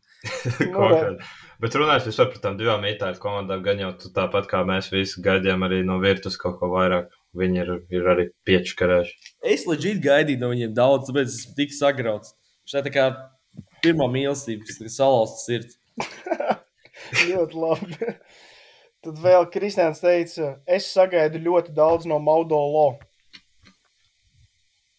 Viņš ilgi bija traumēts. Nu, jā, tas, tas, ka viņš pirmās, tur, pirmo spēli nospēlēja, tas septiņas kārtas bija ārā. Tagad jau viņš met ap desmit punktiem, tā kā pamazām atgriežas. Bet, nu jā, tas trauma iztraucē. Tālāk ir mans citāts, un es, es varu pateikt, godīgi, man nebija taisnība. Bet mans citāts pirms sezonas ir trīs vārdi. Baskonija ir garlaicīga. Tas ir tas, ko es pateicu, un Nu, man liekas, kā tagad skatoties, var, saukt, var teikt visu, ko grib par viņiem, bet man liekas, garlaicīgi. Tas tieši mazliet pēdējais vārds. Precīzi, Viņi jā. aizsardzībā nespēlē, uzbrukumā lieliski spēlē. Tas ir nu, to, ko tu kā skatītājs vēlēs redzēt. Un es jā, noskatījos to spēli viņiem pret Real Madrid. Un, uh, nu, tiešām nu, ļoti patika. Nu, šovs viss notiek. Tiešām. Es kļūdījos, acīm redzot. Um, Vēl viena lieta, kuras kļūdījos, bet arī traumas ir ietekmējušas. Es teicu, ka Grigons būs Panatinaikas līderis. Un, uh, viņš notraumēs, parādījās Bacons. Un, uh, nekas, nu, arī tad, kad Grigons ir bijis vesels, viņš ir bijis uh, daudz švakāks nekā mēs esam pieraduši viņu redzēt uh, Žalgirī vai Lietuvas izlasē. Bet Plus, varbūt, Deriks Viljams arī ļoti labi spēlē žalgiri. Run, uh, panatā. N- O. Nākamais tieši par Deriku. Klausies, varbūt Grigoņa sakarā, varbūt tas ir kaut kāds žāģi efekts, jo ka, ka viņi tos. Es, es teikšu, godīgi, es esmu piemēram, diezgan baies žāģi un lietuviešu sakarā, jo nu, nu, ir, ir, ir tie latvieši, kur uzskata viņus mums par kaut kādiem mūsu ienaidniekiem, bet man viņi ir kā brāļi tauta. Un, Jā, man ā, ar. Un es esmu noteikti baies viņu sakarā, jo iespējams viņus kaut kur pārvērtēju. Un es vienmēr būšu kā, kaut cik par žāģi un, un tā tālāk, un arī atbalstīšu Lietuvas izlases Eiropas čempionātā un tā tālāk. Bet uh, tieši, piemēram, Grigons un iepriekš arī Ulānovs, viņi ir aizgājuši uz, uz citām komandām un nekas tur, neko, neko tur nav rādījuši. Jā, taisnība. Nu, kā varbūt, varbūt mēs vienkārši, varbūt mēs Latvijā vienkārši kaut kā nedaudz, nedaudz pārvērtējam viņus. Jo tiešām tā ir maz piemēra tāda, kur vismaz pēdējā laikā, kur tie lietuvieši kaut kur aiziet ārpus žalgara un kaut ko nu, spēlē. Ž- Žalgirī arī viņiem dod tās iespējas daudz vairāk. Arī, ja tev neaiziet uh, spēle vai kas, nu, tur un tā, tu nākamajā spēlē dabūt tās savas iespējas. Arī man liekas, ka Likāvičs aizgāja uz Panatinaikas.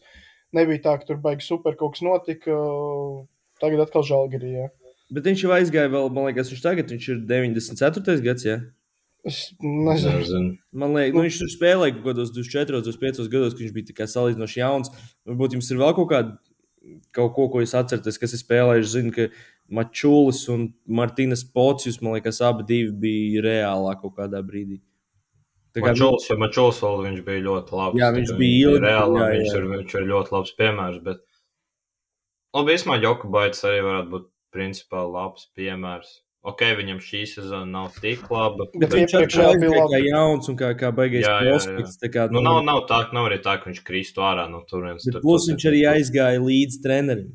Tas arī Jā. Nu, tas arī Jā. iedod kaut kāds bonus. Uh, par Deriku Viljams Kristians teica, ka Deriks Viljams snieguma ziņā uh, nav nekas super īpašs. viņš aizved burtiski labāko sezonu karjerā, un iepriekš tā arī bijis. Es piekrītu, es piekrītu. Tā. Um, tā, atkal Kristians. Uh, esmu par 95% pārliecināts. Tad Uh, es par- dodu Par, 5%. Olim- šits, šits par Olimpijākus, jā, 95% pārliecināts, ka Final Four viņi nesasniegs. Es joprojām tā domāju. Es arī šogad to apteicu.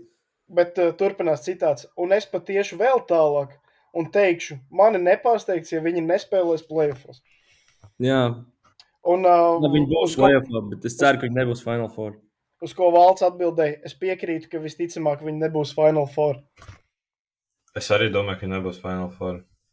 Labi. Manuprāt. Es domāju, ka būs. Es domāju, es, Es es domāju, ka šodien. Nē, nu, nosaukt šodien savus Final Four, kā jums izskatās? tā Tur reāli ir atkarīgs, tā kā, vai tās divas komandas netiksies savā starpā. Bet, uh, ja net, es domāju, ka Barcelona tur būs, Olimpijakus tur būs. Uh, nu, gan jau, ka FS atradīs veidu, kā tur tikt arī.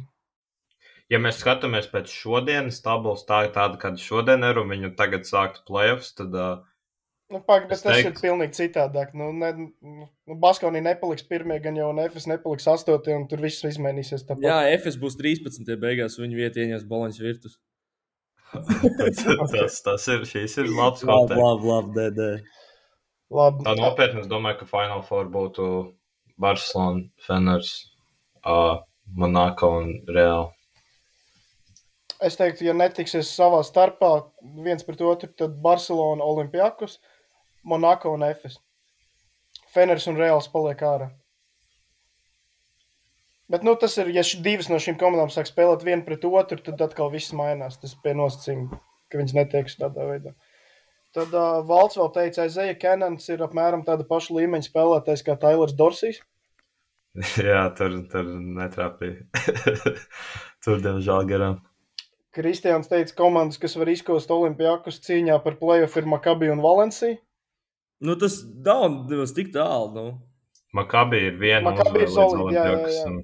Un, ja mēs Valencijai noņemtu no to, to pirmo mēnesi, viņi arī būtu playoff komanda. Jā, nu jā, Nu, pirmais viņam, jā, viņam bija grūti ar to pirmo mēnesi, kad tur diezgan smagi ir īsumā, ja 17 komandas spēlē regulāro sezonu. Es nezinu, cik tur 7 mēneši sanāk un 1, 6. Valencija īsāk. Tūlīt pateikšu, kā, kā viņiem tur bija. Um, Viņi pat tur normāli, kad 50-50 bilants iesākums šeit. viņi sāka sezonu ar, ar 1-3 bilanci. Bet pēc tam vinnēja kaut ko. Pēc tam vinnēja, jā, jā, bet tas bija jau. Uh, viņi sāka no, ok. Ne, jā. viņam, ne, viņam nesanāca 1, 2 pirmajā mēnesī, jo man liekas, ka tā pēd, pēdējā uzvara tika izcīnīta tieši, kad uh, tas mēnesis jau beidzās, vai es kaut ko jaucu. Nu, viņiem pirmā spēle 6. oktobrī viņi zaudēja Baskonijai, un 20. oktobrī viņi zaudēja Feneram, un tad bija bilants 1-3. Un tad, Ah, ah, viņi uzvarēja, tad viņi uzvarēja Albu un uh, Olimpijākus, un tad viņi panāca 3-3 bilants. Un tu noņem viņiem 1, 3, viņi ir 50, 50, 6, 6 bilants. Nu, re. No tāda viņi ir uh, pēc pašreizējiem standingiem playoff komanda. Nu, pēc, jā, Nu, viss ir tuvu, jā. ap to. Es teicu, ka es daudz sagaidu no Dante Eksuma šo sezonu. Un, uh, viņam ir kaut kāds atsevišķs spēles, kad viņš labi nospēlē. Man liekas, tikko viņš labi nospēlēja, bet uh, tā kopumā viņš arī regulāri kaut kur pazuda. Es gaidīju, ka viņš būs, nu, nezinu, stabili metīs savus 11 punktus un būs viens no komandas līderiem. Ā, Jāiestarpina, starp citu, par, par Partizānu, ka kaut kur lasīja, ka viņi izrādot ļoti nopietnu interesi par Džabāriju Parkeru. Jā, tieši no tā paša drafta, kur Dante Eksums. Kā viņiem, viņiem vienkārši patīk, eh, patīk spē, ņemt spēlētājus ar vienkārši kaut kādiem stīkla ceļiem, stīkla locītavām, kaut kāds, kas NBA vairs nav īsti vajadzīgi. Varētu kāds saspēles vadītāji paņemt, man liekas, tas nenāk puļi pa Jā, ļaunu. tādu, kurš, kuram patīk trīsreiz sezonā notraumēties.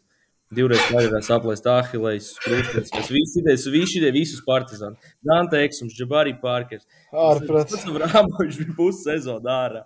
Šis uh, Smailāgiņš, nu visi šī tādi viņiem. Lasorts arī, man liekas, agrāk bija relatīvi traumatisks.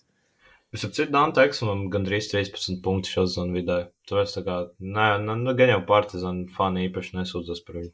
Paslīdēs zem radariņa nedaudz. Jā. Tad es teicu, ka Čavars, Gražuls un Pasečņiks ir labāki par Petruševu. Es teiktu, ka es joprojām pieturos pie šī, bet uh, Petruševs tikko 24 punktus Barcelonai iemet. Bet uh, man ir savi iemesli, kāpēc es tā domāju. Labi, iedomājieties, cik viņš labs būtu, ja viņš ja viņam nevajadzētu ziedot vasaras izlasē. Nu, jā, tas gan. Jā, viņš viņš, nebūtu- viņš viņš nebūtu nebūtu Eiropā. visās tajās vēl jauniešu izlases Jā. mocījās, caur vispār caur sāpēm, tā teikt, Čeres Ņemagu, kā Krievi saka, nebūtu spēlēs tur tajās izlases. un Viņš tagad, es neatceros, viņš par ir, viņš nebija draftēts NBA gadījumā. Man liekas, ka bija pat. Es atceros, viņš bija prospekts valsts čempionātā. Arī Gonzagā, vēl, kad viņš bija, bet neatceros, vai nodraftēja. Bet, nu, ja nebūtu tas izlases, 21. tad viņš- gada 50. piks. nu, nebūtu tas jauniešu izlases, viņš būtu pie pirmkārt pirmajā kārtā draftēts. Noteikti. Un otrkārt, viņš nu tagad spēlē NBA. Tas, tas kā man liekas, visiem skaidrs. ir. Es, es biju palaidis garām, ka viņš bija Baskonijas jauniešu sistēmā. Viņš, uh, Man liekas, viņš no Megas bija. pēc tam viņš, protams, atgriezās Megā, kā visi serbi. Viņam īstenībā ļoti interesanti karjeras. Viņš ir bijis Baskonijas uh, akadēmijā, viņš ir bijis uh, Megā, viņš ir bijis Montverdē, kas ir arī viena no labākajām vidusskolām. Uh, viņš ir bijis Gonzagā, viņš ir bijis uh, Efesā, Zvezdā, kur tik vēl ne. Bet no visām šīm vietām vissliktākā vieta pavisam noteikti ir Serbijas izlase, jo tur jāatradās visu vasaru kopā ar Nikolu Jokiču. un Es nezinu, ko tur iemācīties no viņa. Neko. neko. Protams, neko. Tad uh, Valts vēl teica, ka uh, Cervena uh, zvezda nav super konkurētspējīga komanda Eirolandā. Ok, ok. Šito te gan es gribētu pateikt, ka šeit viss izmainījās sezonas laikā. Pirmkārt, viņi, es nezinu, Bet kam pats vēl nav spēlējis, ja tas ir tas, ko tu gribi teikt. Viņiem ir 8, 8 bez kam pats. jā, bet viņi vēl dozu, piemēram, parakstīja mēnešu MVP. Ko es, es arī negaidīju, ka viņi parakstīs vispār tādu. Viņš nebija jau pirms sezonas. Nē, Vildozas sezonas laikā ieradās tikai. Pēc man liekas, ka man pierakstos, jo viņš bija. Nu, labi. Nu, tad varbūt tu paredzēji nākotni, jo es, Varbūt.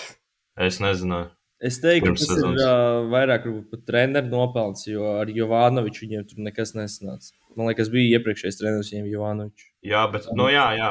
Es īstenībā par to treneru maiņu pat gribētu viņus uzteikt, jo tajā momentā, kad viņi mainīja to treneru, es īsti nesapratu, kāpēc, jo man arī tajā brīdī nelikās, ka tur kaut kas no viņiem būs, un ka tur es nezināju īsti, ko viņi sagaida, bet, nu, viss tas, ka viss, viss notiek viņiem. Plus vēl tagad, jā, ka Nedovičs vēl atgriezies no traumas, jo viņš arī sezonas sākumā, man liekas, bija traumēts. Tā kā, jā, bet šo prognozi es vēlētos tiešām pateikt, tur viss izmainījās sezonas laikā, tāpēc es, jā, Okay. neņemšu savus um, vārdus atpakaļ no tā momenta. Runājot par treneriem, Valti, tu teici, uh, prognozēji, ka katrs būs pirmais no treneriem, kas pazaudēs darbu.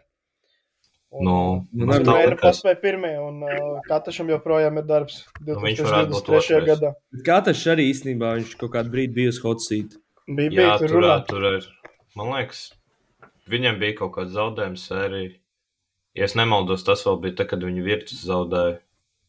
Jā, ja es nejaucu. Tad Makabi par ir, to runāju. Makabi ir tas, ka viņi mājās ir vienkārši nereāli, un uh, izbraukumā atkal viņiem ir uh, liels problēmas ar uzvaru izcīnīšanu. Tad Nu, izteikti tas mājas vienkārši komanda. jau Makabī patīk mainīt trenerus, spēlētājs. Tur tā saucamā kontinuitāte pilnībā nekāda nav. Tas Paldies, ka gan, pareizi izmantoju šo vārdu. jā, Izmantoju un izrunāju. tā kā Paldies. jā. Uh, vēl Jā. valsts teica, uh, ja tu noņemtu no, par Makabi, ja tu noņemtu no komandas Baldvinu, viņi uzreiz būtu labāka komanda. Ok, šī nebija taisnība. Paga, paga, paga, paga, paga. Ja tu noņem no labi. Makabi Baldvinu, tad uzreiz Makabi kļūst par labāku komandu. Tagad, man liekas, viņš tieši izlaiž kaut kādas spēles. Un, uh, Es tieši to gribu, es tieši to gribu apskatīties. Viņa FS uzvarēja bez viņa. Jā, bez viņa. Nu, man veids Baldvins ir šajā sezonā arī ļoti patīkams pārsteigums. Viņš nu, vismaz uz acis izstāsta diezgan normāli. Tā, kad viņš Arī spēlē. statistika labi 15 punkti, 3,3 bumbas, 4,4 piespēles. Jā, un uh, galvenokārt ar bumbu tāpat spēlē Lorenzo. un Man liekas, tas arī ir tas, kas, ja Baldvins visu laiku driblētos un Lorenzo stāvētu un skatītos, tad tā būtu problēma. Bet uh, tā kā ir otrādāk, tad uh, ir labi. tagad 4 spēles nav spēlējis. Jā, un viņi ir trīs uzvaras izcīnījuši tajās spēlēs. Ok. okay. paši. no, varbūt man bija. Varbūt. Tā, Bet- kas, kas Nu, jā. um, es teicu, uh, es domāju, ka Fenerbahčē sākums nebūs tas labākais, bet, bet ziemas periodā pienāks mirklis, kad viņi ieskriesies. Un viņi sāk sezonu cik ar 5-0 vai kaut ko tādu. Nu, viņi ļoti, jā. Nu, nebija tas Nu, tieši ziemas, ziemas periodā tieši sanāca nolūst, bet ok, tur arī traumas. Tā kā nevar tev līdz galam pārnest. Kaut gan tagad viņam īstenībā sastāvs jau diezgan pilns ir. Man liekas, tur bezmazliet viss, piemēram, pret vietas, tur, man liekas, jau bezmazliet viss spēlē. Tā, un pamazām tuvojamies beigām. Valti, tu teici, esmu drošs, ka Ergins un Itudis uh, spēlēs pret Latviju, nebūs pie uh, savām izlasēm kā treneri. Okay, Nu, tur, tur, tur, es- tur, tur, mēs tur vēl pārtur, nespēlējām, no, bet Itudis Bet- ieradās. Par Itūdi taču reāli bija līdz pašam pēdējiem. Visi domāja, ka viņš nebūs. Viņš burtiski, man liekas, tieši uz spēli atbrauc. Jā, Viņam jau bija, dienā. viņam bija iepriekšējā dienā tieši spēle, viņam vajadzēja lidot. Jā, gan jau ir kalātes kopā, kalātes tur malā sēdē. Bet, nu, Jā, jā, es esmu no šī tā, šī tā, tā tas gada. tad valsts vēl teica, es īstenībā nezinu, neesmu papētījis līdz galam, vai tā ir taisnība vai nē, bet valsts teica, ka mūsam varētu būt uh, problēmas ar stabilitāti. Pagaidā. Man liekas, jo viņš ir stabils. Bija. Jo, Nē, bet pēdējā spēlē viņam bija atceros 6 punkti. Nu, nevis tā tagad kopumā, kad es skatos, tad viņš tik un tā vienmēr tiekustās uz sodu metienu līnijas, kaut kādas trīniekus iemet. Es to atvērtu vaļā statistiku vienkārši, jo tā, tā, tā. Ah, bet Noris uz nākamo reizi sagatavo to, ko mēs pareizi nosaucām. Es nezinu, es vēlreiz gribu klausīties. Nē, bet, nu, es vienīgi, principā, jā, viņa, viņš ir pietiekami stabils. Bet kaut gan viņam arī viņš ik pa laikam iemet. Viņam 25, punkti, tad 9, tad 10, tad 28. Tā, tā kā nav, nav, nav ļoti stabili. Bet vien, vienīgā lieta, kas mums vairāk radīja jautājums, bija tas, tas metiens, tieši tālmetiens. Bet tos viņš arī beig, beig, beigās pietiekami labi met.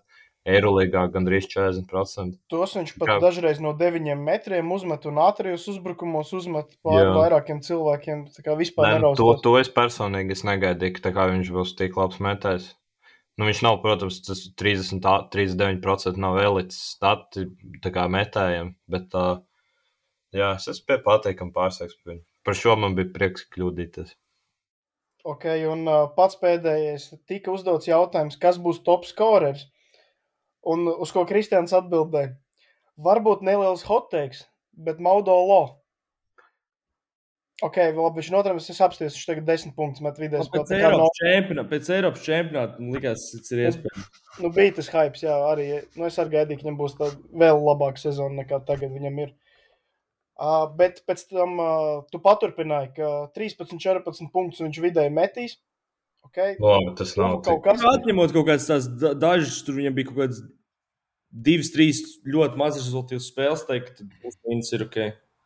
Un uh, uzreiz pēc šī uh, tu turpināji ar jautājumu, bet varbūt Jans Veselīs. Tas, tas man patika. Labi, pagaidiet, bet man ir jautājums tad jums. Jūs reāli domājat, ka Šanlī būs pirmais centrs? Nē, ja, nu, nē bet nu. Bet pat uh, top score ir viennozīmīgi nē, jo man pat, vēl, tā... tas, tas man liekas vēl nebija balstīts tajā, ka, ģip, ka Mirotičs būs ilgārā. Gan jau arī. Nē, bet nu, tur kopumā īstenībā var teikt, ka abiem čehiem bija vismaz priekš manis diezgan negaidīt vāja sākuma. Jā, nu, plusam, Jans Veselīs, principā, ja nemaldos, viņam, diemžēl, ir principā karjeras sliktākie cipari šo sezonu. Par to nedaudz, nedaudz žēl. Viņš vienkārši ierobežots ar Mirotiču. Tas nekas, ka Mirotičs četras spēles spēlē. Labi, nē, bet jā, tas ir tas, ko es atradu. Tas ir tikai no tām divām pirms sezonas epizodēm. Mēs arī sezonas gaitā esam visādas gudrības teikuši, ka Milāns 3-1 sākums ir iespaidīgs un tā ir pieredze. Arī mēs, teicam, Albu mēs runājam, vai viņi būs plīti. Es vēlētos jā. pateikt, es par Milānu jau teicu, es par Milānu teicu jau pirms, pēc tam pirmajā spēlē, ka viņi izlīda.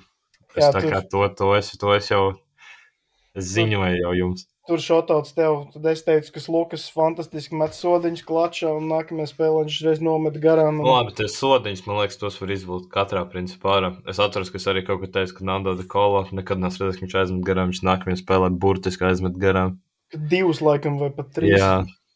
Un, nu jā, man pat bail iedomāties, ko mēs tur pirms Eiropas čempionāta sarunājām par visām zvaigznēm un nekas pa Spāniju. Un...